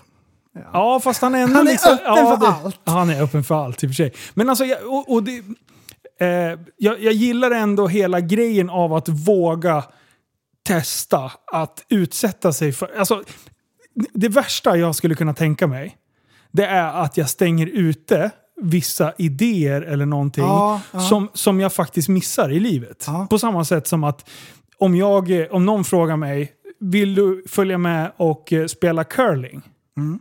Självklart svarar jag. Ja. För att det kan vara det bästa. Det kanske är nästa Ja. bubbla. Ja. Bubbla liksom. Det känns ju ändå ganska mänskligt att utforska. Överhuvudtaget. Ja. På alla, alla områden. Det är ju en, ett mänskligt drag Ja. att eh, undersöka saker. Ja. Men, och, det är Och det är det, kul. och det är det som jag blir så här. jag kan inte stänga ute en tro. Ja. För att då, då går jag emot mina egna grejer. Men ju mer jag tänker på det så Mm. kommer jag fram till att det spelar ingen jävla roll. Så länge jag spelar efter samma regelbok, Mm. jag gör mitt bästa, jag försöker att bry mig om mina medmänniskor och jag försöker vara mitt bästa jag. Ja. Och sprida glädje och kärlek. Och sen så om folk kan vara lite roll, liksom. respektfulla. Ja, Åh, kanon. ja, Ja. Det har ju, vi har ju pratat om det i, i Tappad som barn. ja. Det är ju så här på senare år som man har kommit fram till att även fast man kanske inte gillar vänstern Mhm. så kan man ändå lyssna vad de har att säga. Förut så bara pff, ja. dravel. Och så kommer man på att ja, men det är ändå bra att de finns. Mm. Så det finns en motvikt i politiken. Ja, absolut. Och, Typ sådana saker. Och Det- världen det kommer är, man ju fram till Och man- världen är inte svart eller vit eller vänster eller Nej, höger. nej, utan det finns ju liksom... Hemligheten är ju att kunna driva igenom förslag som, gynnar, som gynnar alla egentligen. Eh, men eh, man, man, måste, man måste vara nyfiken för eh, att lyssna på andra argument. Ja. Jag, tänker att man alltid varit eh, nyfiken. Ja. Och att man har alltid varit intresserad av olika grejer. Men det har ändrats. Ju äldre man blir så Mm. blir det annorlunda saker. Om man utforskar mer. För alltså, jag skulle vilja ta det. Jag har skrivit en punkt när jag förberett att du skulle komma. Ja. Det är våra likheter och våra olikheter. Ja. För att vi kompletterar varandra bra, men samtidigt så är vi så pass lika så att, så att vi, vi gillar ju att klura på sådana här saker. Ja. Eh, och ibland så spårar ju våra telefonsamtal ur duktigt. Och man sitter och bara drar det längre och längre och längre. Och där, ur det föder vi humor som vi sen använder Ja. eh, till podden. Liksom. Men vad, på vilket sätt är vi lika då? Det är ju nyfikenheten. Ja, det är det ju. Kreativiteten, lite grann, tänker Ja. jag. Och vi, ja, vi är ju utforskare. Vi gillar ju nya saker. Ja. Finns det någonting som du bara så här, nej, det där vill jag inte följa med på? Tackar du nej till saker? Ja, jo, om jag inte har intresset då? Det beror på. Jag kan göra saker om det är för att om det behövs göras, absolut. Ja. Um, tänker du som du har, har börjat med? Nej men jag tänker så här, eh, alltså generellt om någon skulle ringa och, och säga att eh, vi ska börja med bergsklättring idag. Vad är Här- din första reaktion? Liksom? Ehm, ja, nej.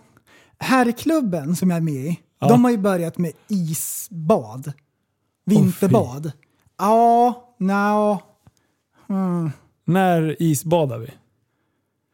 Nu blev jag skittaggad. Jag har sett fler som har gjort det. Och så tänker jag, vilka jäkla idioter. Ah. Ja, men men det- lyssna här. Ah, jag Tänk om det är någonting jag missar. Jo, Tänk om det ja. är underbart. Jo, jag har ju prövat. Jag har ju vinterbadat med dem också. Ja. Och det är skitont. ja. Det är typ så här att pröva hur mycket smärta man kan tåla egentligen. Jag vet inte om jag möjligtvis skulle kunna finna någon tjusning i det om jag provar lite mer. Men de kör ju så här en gång i veckan.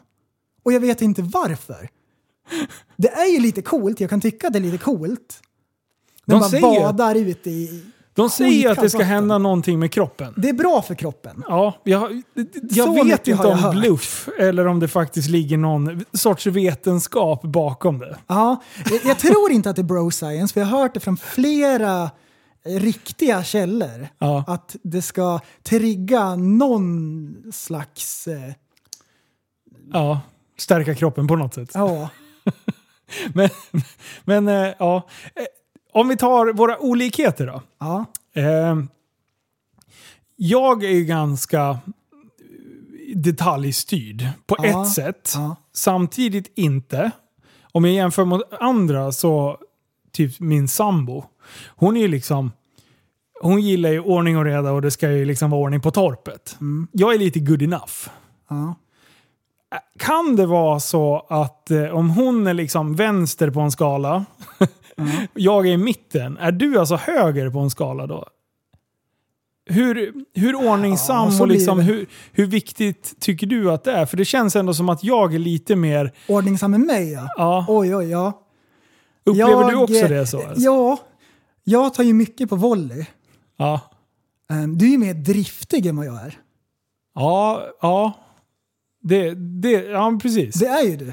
Sen så här, ibland, vissa saker, det är jättekonstigt. Som när vi började podda, jag bara, vi måste göra en ordning. Ni kan ju inte bara sitta och hitta på. Vem ska lyssna på det där? Det kan ju vara bra att ha ett körschema och ha Ja. ämnen att prata om och förberett lite grejer. Ja, för där kommer du ju jätte, jätte förberedd. Och när, när, när vi släpper musik, det har Ja. vi också märkt. Ja, herregud. jag gillar inte om, det inte om jag inte är nöjd, om det inte låter bra. Om jag vill att, har man gjort sitt bästa, det är inte helt perfekt, men man har ändå gjort sitt bästa, då kan jag släppa det. Mm. Men är det så här att ja, men det här har jag spelat in men jag kan göra det mycket bättre, då vill jag göra det bättre om man ska släppa det på Spotify. Då Ja. kan jag vara en sån här äh, Ja, då är du detaljmänniska. Ja. jätte, märkligt, men annars är jag inte det så mycket. Kan det vara så att du svänger mer? Alltså att det är beroende på vilken grej det handlar om. Då kan Ja. du ju liksom... Ja, du, du, flexar det. ju. Ja, det är ju det! För du är ju inte slarvig jämt. För då hade du ju liksom, då hade du släppt skitlåtar. Som hade lå- du kan ju sitta och spela in en stämma Ja. 20 gånger. Jag liksom. väljer vad jag är noggrann med, vad intressant. Hmm. Hmm. Ja. Men eh, eh, ja, jag, tycker, jag tycker ändå det är intressant hur man fungerar som människa. Liksom. Alltså, och, och vad man har för specialprylar. För alla är ju specialare. Ja. Alla har ju sina grejer som de är liksom, nördar in sig på om man säger. ja. Våghalsighetsgrejen, Ja. har den tonat ner, tycker du? På dig? Nej, Eller på mig? Eller på, efter 30 tycker jag att det har lugnat ner sig lite grann. Jag tror att det har lugnat ner sig betydligt mer för dig och eh, Ja, det har Andreas än vad det Ja. har gjort för mig. Ja. Eller snarare så här. Andreas han, han är ju lika han är vild fortfarande. Eh, men jag har alltid haft en så här jätteutvecklad riskbedömningsförmåga.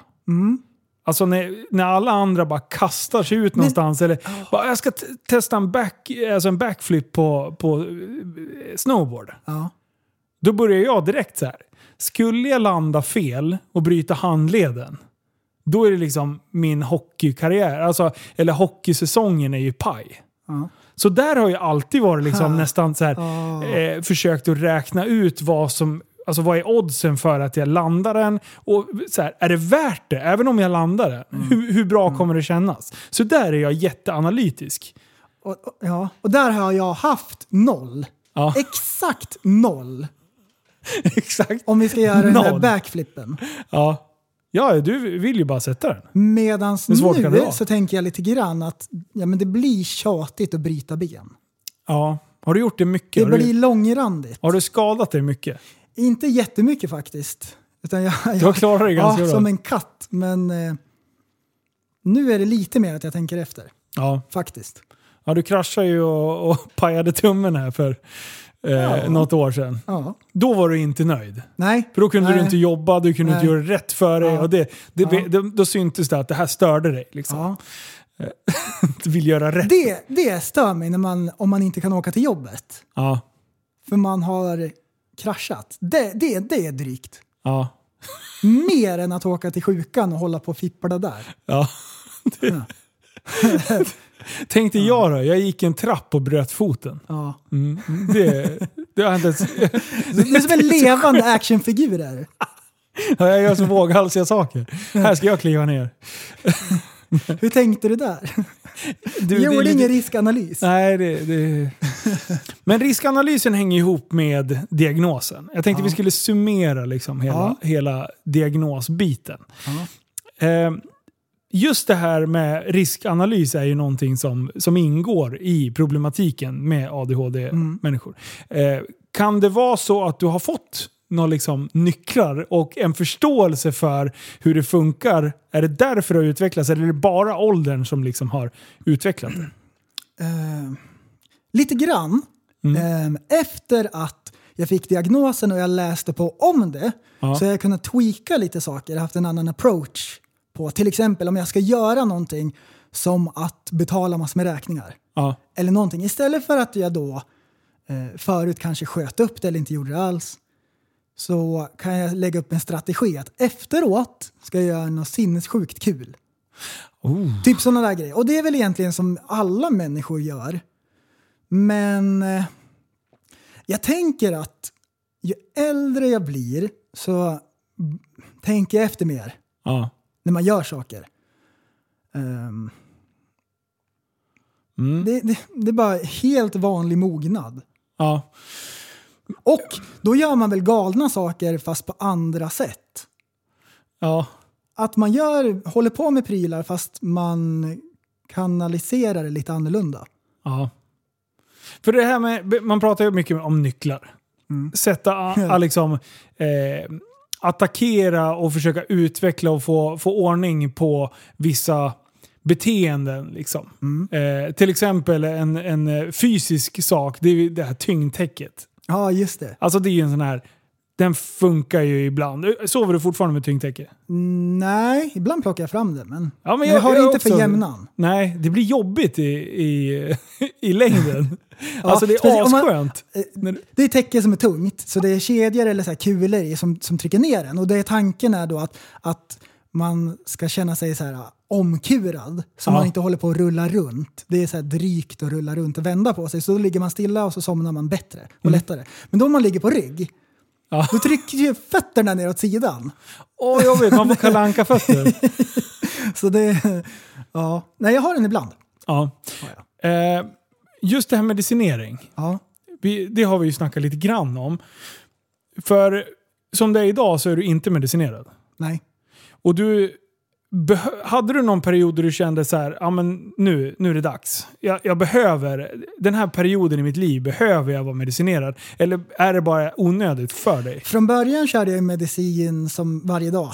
Här, Ja. Efter det där schemat. Och sen så hade jag det ibland. när det behövdes. Om jag skulle göra någonting viktigt och jag behövde vara fokuserad. Sen så fasade jag ut det, så jag klarar mig utan. Ja. Så, mm. Skönt ju. Ja. Ehm, och medicin det kan väl vara bra för vissa, absolut. Mm. Jag är inte anti så. Hur funkar det? Hur funkar medicin för... Alltså, det, jag har ju hört den här, jag vet inte om det är en skröna, men att har du ADHD blir du lugn. Ja. Har du inte ADHD så blir du hype. Glädjeämnet i, i hjärnan. Ja. Åh, jag, vill vi komma, jag vill komma på vad det heter. ja. Googla då. Vi, vi, vi tänker efter, alla ämnen som finns. Det är inte endorfinerna, det är inte testosteron. Dopaminet. Dopamin. Ah, Det är ja. dopaminet som höjs utav den här medicinen. Ja. Och då gör, gör det att man känner sig tillfreds. Allt, ja men det är bra nu. Ja. Jag behöver inte hålla på. Men eh, om man tar typ då kan man- antidepressiva då? Är det, funkar inte det Ja, lite på det- samma sätt? Eller det blockerar något annat va? Ja. Nu ska vi se. Nu, nu är det Nu, chanspodden. här. nej, vi kan inte sitta och gissa. Nej, det går ju inte. Eh, Det är ju en faktapodd. den, den, den eh, kan jag faktiskt ingenting om. Ah, Okej, nej bra. Men eh, eh, ja, det blir spännande. Eh, Folk har ju snackat om, säger till mig hela tiden, Linus du ADHD, gå och kolla upp det. Mm. Nu vill jag att du ska vara Dr. Jimmy här. Gör en analys på mig. Nej, jag tror inte det. Är det så? Nej, jag tror inte att du har det. Sen, de, Kan- de ritar ju upp så fina pedagogiska cirklar. Man, kan ha, man kan ha en liten släng utav det. Ehm, Och sen om inte... alla du, inte... du, du får ju ändå saker gjort. Du är ändå strukturerad. Det är inte så att du åker till jobbet och så bara åh jag glömde nycklarna till det här. Eller jag glömde ta med mig de här papperna. Du håller ju inte på sådär speciellt mycket. Du är ju som en vanlig person där. ja. Du är ju bara väldigt driftig. Alltså om man frågar typ folk i min närhet Ja. Så tycker ju de att, att jag glömmer saker. Men jag tror att det är så här selektiv prioritering jag pysslar med. Mm. Jag kan ju glömma bort att handla på vägen hem, fast jag vet Ja, att... ja. att ja, men det, det är den där slängen. ja, precis. För, för det är så här, jag vet att tjejerna ska ha frukost på dagen efter. Ja. Men du, Men i min värld så är det ett senare projekt. och du, är ju, du är ju mer driftig än de flesta personer jag känner. Så då är det inte konstigt att jag glömmer vissa saker. Är det så du tänker? Nej. Jag tänker att det är väl typ ADHD-grejen kanske lite grann. Okej. Men du är ju ändå strukturerad och får saker gjort och du har en riskbedömning. Du tänker ju ändå efter. När det är riktig ADHD, Mm, då då försvinner sånt ut genom fönstret bara. Ja. För jag, jag, jag tog ju kontakt med min, med min läkare. Mm. Och sen så bara... Och han, vi, vi spelar lite så sporter tillsammans. Mm. Eh, så, så då sa jag det. Du, jag skulle vilja göra en ADHD-utredning. Ja. Då tittade han på mig och bara, varför då? Jag bara, nej men... eh, Liksom, ja, exakt. Varför? Ja. Då ska man ju ha någon problematik. jag, jag bara, men jag känner ju att det, det går ju inte... Alltså jag, jag fungerar ju inte riktigt som alla andra. Mm. Eh, han bara, okej, jag ställer en fråga till. Om jag skulle erbjuda dig medicin, skulle du vi- vilja medicinera bort det? Absolut inte. Nej, bra. Då ska vi inte göra någon utredning eller? Punkt. Ja, Ingen mer snack om det. Ja, Okej. Ja, nej, om man har grav ADHD då kan det ju ställa till problem. Ja. Och någonting som, som också kan ställa till problem i kombination med ADHD det är om man har ett lågt IQ. Om man Ah. verkligen inte kan resonera rätt Ja. och så har man ett superdriv på det. Allting så här förstoras, det man gör. Ehm, en- stor procent av de som sitter i fängelse har ju just ADHD. För att man, man gör saker hela tiden och man tänker inte efter så mycket. Och då om man kombinerar det med dåliga värderingar Ja. så är det ett uselt recept. Ja. Ehm, Men du, du är ju ganska klipsk. Så då... Oj. Eh, Klipsk och driftig, det är ju en bra kombination. Ja. Ja, ja, ja precis. Det, det, det, det, är inte de orden jag skulle sätta på mig själv heller. Men jag, jag får ofta höra att jag har för stor tillit till den stora massan. Liv, han säger alltid till mig så här. Varför blir du förvånad? Ja. Alltså, när, om det är någon som gör något så dumt eller skriver något så här urbota korkat. Och jag bara så här. Alltså, ska jag behöva, ska jag behöva ta en, en, en, liksom en diskussion med den här människan? Och han bara, varför brusar du ens upp? ja, Människor är inte liksom, de tänker inte i samma banor som du gör. nej. Och, och det, här är, det här är bara utkast liksom, av någons idiotiska tankar. Den här människan har inte tänkt igenom vad den har skrivit. Liksom. Och då sitter jag och läser det där och analyserar in i minsta lilla detalj och lägger upp en plan för hur jag ska äga upp den här människan. Jag ska vinna argumentationen till. Ja, det är rätt så korkat i och för sig. Och det är korkat. Ja. Och sen så kommer han, Dr. Kalkyl, och bara släpp det bara. Okej. Så det har, jag tagit lär, det har jag tagit lärdom om från dig och eh, även från Andreas då. Att, att inte...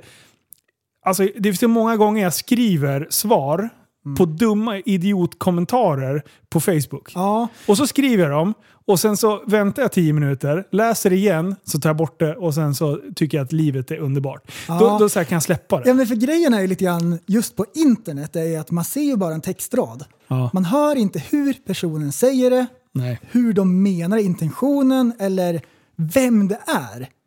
Nej. Det är ju det som är lite lömskt just med internet. Och Så då kan man bli upprörd över någonting och så egentligen så den här personen menar ingenting eller Nej, men precis. vad det nu än är. Och sen, sen har du lärt mig en grej som, är, som jag har verkligen så här tagit fasta på. När jag var yngre så har jag varit väldigt nyfiken på vad folk gör och vad inte gör. Och jag har även pratat en hel del om vad andra människor gör. Där har du hjälpt mig jättemycket med att don't be a shit talker. Ja, Och, och jag, jag, dagligen tänkte jag säga, men vi säger veckovis, så tänker jag alltid på att mind your own business. Prata, du, man säger, med sina nära och kära kan man ju diskutera så här, men den här personen, jag förstår inte. Eller alltså, alltså diskutera med sina närmsta vänner. Men var inte den som går runt och snackar om andra. ja. Och det där bara så här, what? För, och då så beskrev du det så bra att om jag hör dig prata om andra, då pratar du om mig när jag inte är närvarande. Mm, precis. Och då bara så här, ah, det ligger så mycket i det. Ja. Och jag vill inte vara en sån... Nu är jag så pass ärlig många gånger, Ja. så jag kan faktiskt säga det till personen också. Jag, jag har liksom inga problem med att vara...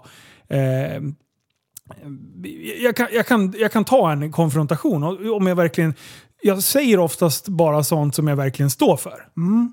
Men det är helt idiotiskt att prata med någon annan som det inte rör. Ja. Och, och jag har nog varit mycket så när jag var yngre. Ja. Och, och det har jag tagit fasta på. Jag har en bra sån där övning. Den här kan folk eh, tillämpa själva. Ja. Om du tänker så här. Vad säger folk om mig när Aha. jag inte är med? Och om man är lite ärlig då med sig själv, då kan man kanske luska ut vissa saker som jag gör som inte är så charmerande. Åh, vilken bra grej. För då... Mm, vad säger folk? Ja. Beter jag mig som en skitstövel eller är jag en reko kille? Och då kan jag faktiskt själv klura ut, ja men vissa saker gör jag som inte är, som jag egentligen inte vill. Det är bara automatik. Och så kan man slipa på dem lite grann. ja. Det där var ett bra tips. Den Mm. Ja, det där är var bra. bra. Nu ska, jag, nu ska jag sitta och klura på det här. nu kommer Ja. och, och det där, det som är så skönt med dig också, för du, eh, varför jag tycker om dig så pass mycket, det är att du kör din grej och eh, du, du är dig själv till 100% hela tiden. Och är det så här eh, grejer som, alltså du, du vågar ju, även om, om man har barnsliga sidor, så står man för dem. Och, och, och det, det är också en sån här grej som jag också har vågat ta Alltså jag, jag förstår att en del fattar inte varför jag håller på och eh, tycker själv att mitt liv är så jävla viktigt så jag måste filma när jag gör någonting. Jag, alltså jag, ju, jag förstår ju att de som inte förstår Ja. tycker att jag är en idiot. Mm. Och det får vara så. ja. Och samtidigt så är det att saker jag gör eller saker jag tänker, att det är så lätt att vara den som kritiserar mig för det. Och det har stört mig förut. Men det gör fan inte det längre. Nej. Jag, bara så här, jag har kommit Ja, till den grejen bra. att, att jag, jag, har, jag har tagit mig själv på för stort allvar. Och jag har, jag har varit rädd för att bli exposed. Alltså Mm. att någon ska se igenom att det blir någon sorts... Eh, alltså, att, att, att man försöker vara någon man inte är. Mm. Och där också sådär, om man tar Super Retards-grejen. Hela den grejen byggde ju på att bygga en karaktär som liksom var... Vi, vi stageade ju filmer när vi liksom eh, körde igenom stan som värsta jävla dårarna. Men vi hade ju ställt upp gubbar som blockerade alla utfarter. Så det var liksom ingen risk för oss. Men på videon skulle det se ut som att de där killarna är helt dumma i huvudet. Ja. Alltså jag har alltid varit en sån som liksom vill skapa hype kring saker. Och där blev det ju ett tag att det, man började göra saker som inte jag kunde stå för. Jag är inte en sån som håller på att jävlas med folk. Jag är inte en sån som håller på och liksom vill ta resurser från polisen. Eh, och där blev det, när, för- det förväntades att vi skulle liksom göra sådana saker. Och då bara nej. Det här är liksom, det, här- jag, hit men inte längre. Jag kan inte stå riktigt för det man gör. Eh, eller det som folk trodde att vi gjorde. Och det vill man ju. Att, att, att det man gör, att man kan stå för det Mm. och att man ändå kan, ja men att man gillar det man gör. Ja, Att men det här är mitt projekt. Gillar inte du det så får du göra någonting annat. Ja. Om någon inte tycker om när du går och filmar dig grejer, ja, ja men sky's the limit. Du kan göra din egna grej. ja. Om du är avundsjuk så kan du också plocka fram en kamera och göra likadant. Mm. Det finns inget tak där. Nej. Det, det, det är upp till var och en. Det får man ju leva sitt liv som man vill och göra vad man vill. Men det är det som är så kul. Att, eh, att jag har brytt mig om vad folk som, som liksom har lagt ner mer tid och tanke på vad jag gör än vad de själva gör. Ja, Ja, men du skiter ganska mycket i jantelagen. det här du, är intressant. Du är, du är lite eh, och pissar på jantelagen sådär. På vilket sätt? Titta inte... på mig! Går runt med en kamera och håller på. Va? Det är lite osvenskt egentligen. Ja, ja, ja. Det är ju en import från USA att man går runt med en kamera och bara titta på mig. Så håller ju inte en svensk på egentligen. Nej. Så det är ju... Det, var... Det svider i ögonen det, på folk. Ja, det här har du sagt förut till mig och jag blev lika förvånad då också. Men det ligger ju någonting i det. I min värld så är det inte så. Nej. Utan jag tycker att, vadå, alla kan väl göra som man vill. Ja. Jag tittar ju inte ner på någon som Ja, men, går och och det pratar är med så sig det själv. är. Ja. Oh shit. Men tänk dig för en man som heter Ove Folket. Ja. Va? De vill ha det likadant som det alltid har varit. Ja, Standard. just det. Volvo GL vill de ha. Och så kommer någon och filmar sig själv. Va? Tror att du, ju. tror, vem tror att du är? Kan du hålla på?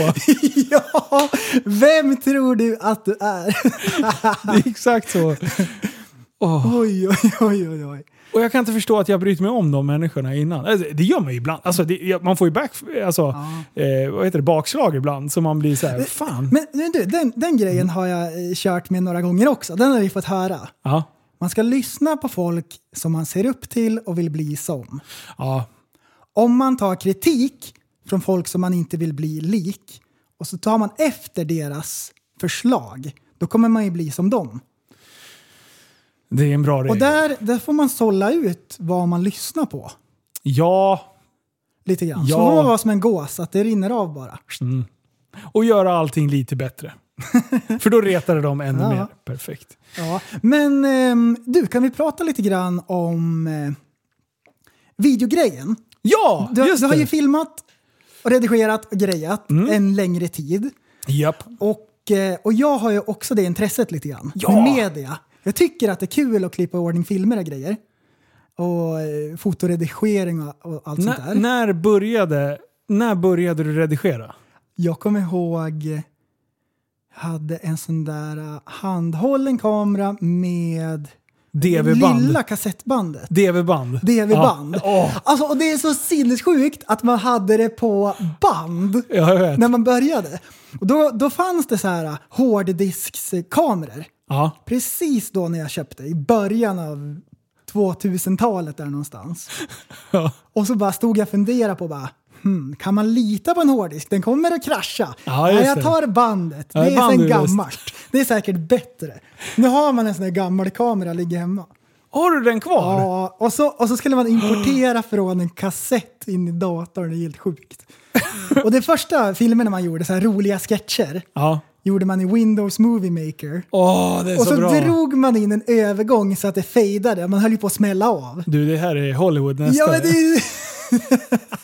och det var så fruktansvärt kul.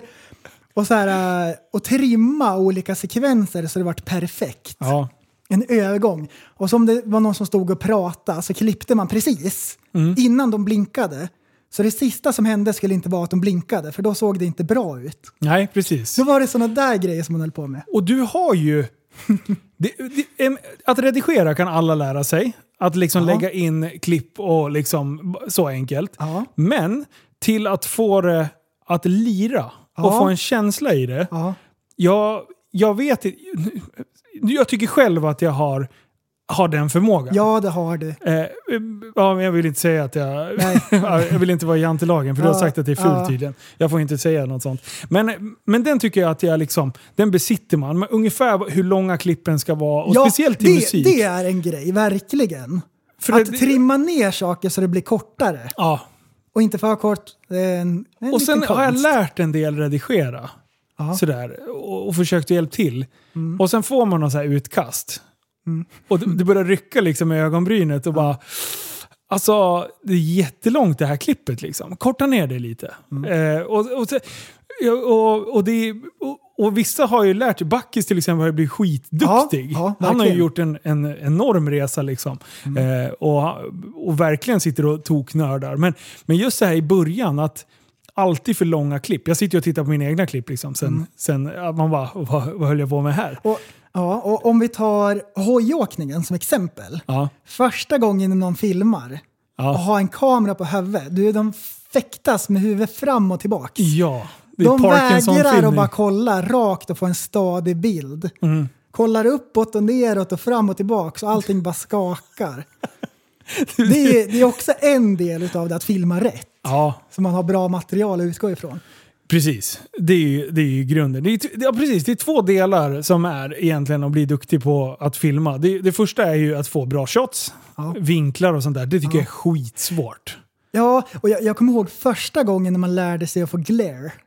Åh! Då var aha, jag har hittat en guldgruva. Alla, alla shots man någonsin tog, det var solen så lite i bakgrunden så Ja. man fick så strålar. Ja. Så det blir lite blått också. Ja. Uff. Och sådana här så solkatter, sådana här bollar. Ja, sådana vill man ha. Då, Massor. Oj, oj, oj. oj, oj. Sen har det fuskats nu. Nu kan man lägga in sådana i efterhand. Ja. Skit på dig alltså. Det ska vara riktiga. Eh, Mm. men, eh, och sen, sen alltså, första delen är som sagt att få bra shots, Mm. rätt vinklar. Och där ser man ju någon som är riktigt duktig på och jobbar med film och har liksom utbildat sig. Mm. De vet ju precis att de här utfyllnadsklippen som inte är värda överhuvudtaget kan skapa en jättebra känsla i slutprodukten. Ja. Och det där har tagit mig tusen jävla år. Jag filmar bara det som är relevant. Ja. Ibland så måste man kasta in så här någon konstig svepning som inte egentligen är en bra Ja. vinkel, Ja. men den, den ger liksom, det, det, det gifter sig så bra i slutet. ja, eller om vi filmar en bil exempelvis. Då har man fokus på en blomma så står bilen i bakgrunden suddig. Ja, precis. Sådana grejer. Ja. Som inte, så det så här... Det känns genomtänkt. Ja. Och eh, du är ju duktig på det där. Du är duktig på att redigera. Alltså att få, att få en känsla i någonting. Mm. Och det, jag tror inte... I vissa, till viss, viss del kan man inte lära sig det, utan det måste vara lite... Eh, någon sorts grundkänsla. Lite- Speciellt till musik. Ja, lite estetisk känsla ska man ha. Men sen i dagens program, om vi säger iMovie, man ja. kommer väldigt långt på programmen som följer med datorn. Ja. De är, de är tillräckligt bra för att göra en, en decent video. Men när det var DV-band, då, då, det var ett helt projekt att bara få in skiten på datorn. Och sen skulle du in det i redigeringsprogrammet. Sen skulle du klippa ihop det där på något vettigt sätt också. Och nu, ut och flyger drönare i två minuter, trycker på en knapp i appen och du har en färdig låt. Klippningarna är klara, du får musiken klar. så allting färdig produkt. Ja. Man bara, what? Vad har jag gjort med mitt liv? Och, och när vi kommer till bildredigering, Ja, det är helt galet vad det går att ändra en bild. Ja. Där det inte går, även experterna kan inte säga om den här bilden är redigerad eller inte. Och då kan man säga att, ja men säg att den här bilden har väldigt stor betydelse. Ja. Om vi säger att det är ett brott som har begåtts eller någonting. Och så kan man redigera en bild till en sån grad att det inte går att säga om den är redigerad eller inte för det ser så bra ut. Och zoomar man in så, så ser man ändå inte om den är ändrad. Ja. Nu håller de ju på och kollar upp vad man ska göra åt när video går att redigera så. Att du kan klippa in ett ansikte som till och med säger någonting så rösten stämmer. Ja. Vad gör man då för om vi säger att vi har ett bevismaterial som är i videoformat. Vad gör man då när en video inte ens går att lita på? Åh vad läskigt! Det är Sluta! inte helt riktigt där än. Men det är väldigt, väldigt nära att det enkelt går att sätta in någons ansikte. Och speciellt om du, om du kan göra det i full, eh, full kvalitet först. Ja, Och sen så drar du ner det så att det ska se ut som en övervakningskamera. ja. Då är du ju hemma. Du, det där är ju skitkul. Det, det finns ju mängdvis med memes om det där. Ja. Att en iPhone-kamera är en helt vanlig. Du, HD-upplösning. Ja. På banken, 184p. Det är så sjukt! Varför har alla banker så här Det är tre de pixlar. sämsta kamerorna i världshistorien? Det går att zooma in noll. Ja. Zoomar man in lite grann, då är ansiktet en pixel. Du, när jag har haft eh, skit i min butik, Ja. eh, där har liksom polisen har behövt krävt in material, Ja. så kommer de till mig. Wow, vilka kameror du har. och då var så här, då, då satte jag in dem där 2013 tror jag jag köpte kamerorna. Sen har jag upp, upp, Ja. uppgraderat en del. Ja. Men liksom, det är ju inte att jag har liksom state of the art, alltså 2020 kameror som jag har betalt en miljon styck för. Utan det är så här, ja, normala kameror. Och det är så här, wow, vilket kamerasystem du har. Man bara, vad, vad fan har alla andra då? Alltså, och det, som du säger, viktiga liksom... Ja, en bank! Ja, Alltså, det, är- ja, det De är outgrundligt de hur det kan ligga, vara sånt. De så. ska ju ligga, nu har ju i och för sig banken inga pengar längre, men när de hade pengar. Man värdesaker. Ja, i och för sig. Man har väl så här smyckes... eh, Ja, just det. Ja, det, det, det är märkligt. Du har någon så här, en stor diamant på några armband eller någonting. Det stoppar man i ett bankfack. Du, har du grejer i ett bankfack eller? Alltså mycket medaljer och medaljonger och tricks. Har du 100, Nej. 100 meters medaljen? Nej, jag, jag, jag, Jo, erkänn. det, det är märkligt när inbrottstjuvar, när de, när de rånar en bank, Ja. så går de in till de här facken där folk har smycken. Jag, jag tycker det Har man inte dem på Sna- sig? Eller? Snacka om så här rysk roulette. Man vet inte vad man får. Det kan vara det är köpa Ja. grisen i säcken. Ja. Bara, nej fan, det är ett pak- paket gula Blend liksom. Ska du ut med frugan på fredag? Ska bara gå förbi banken först. Plocka fram finklockan. Ja. Ja, jäklar. Oj, oj, oj. Men du, jag tror att vi ska ta och avrunda. Vi har kört jäkligt länge nu. Eh, och eh, Alltså det är skitkul att få lära känna dig lite bättre, eller för lyssnarna att lära känna dig lite bättre. Och för de som inte vet vem du är alls, så har du ju levt ett jävligt spännande liv. Eh, det har hänt både tragiska grejer och du har även solskenshistorier. Historia. Jajamän. Så ja, har du några sista välvalda ord? Vad är det för dag idag? Nu ska jag tala om för dig. Det bästa dagen någonsin. Det är alltid bästa dagen Jajamän! någonsin. Ja, tack snälla för att ni har lyssnat där ute. Så hörs vi igen nästa avsnitt. Hej då! Hej då! Gillar du podden och vill vara med och utveckla den tillsammans med mig så kan ni hjälpa mig en bit på traven. Dels genom att ni delar avsnitten, men sen kan man göra det via att donera en mindre summa via Swish. Och Det kan man göra på 0734 33 29 95. 0734 33 29 95. Stort tack för att ni har lyssnat så syns vi igen nästa avsnitt.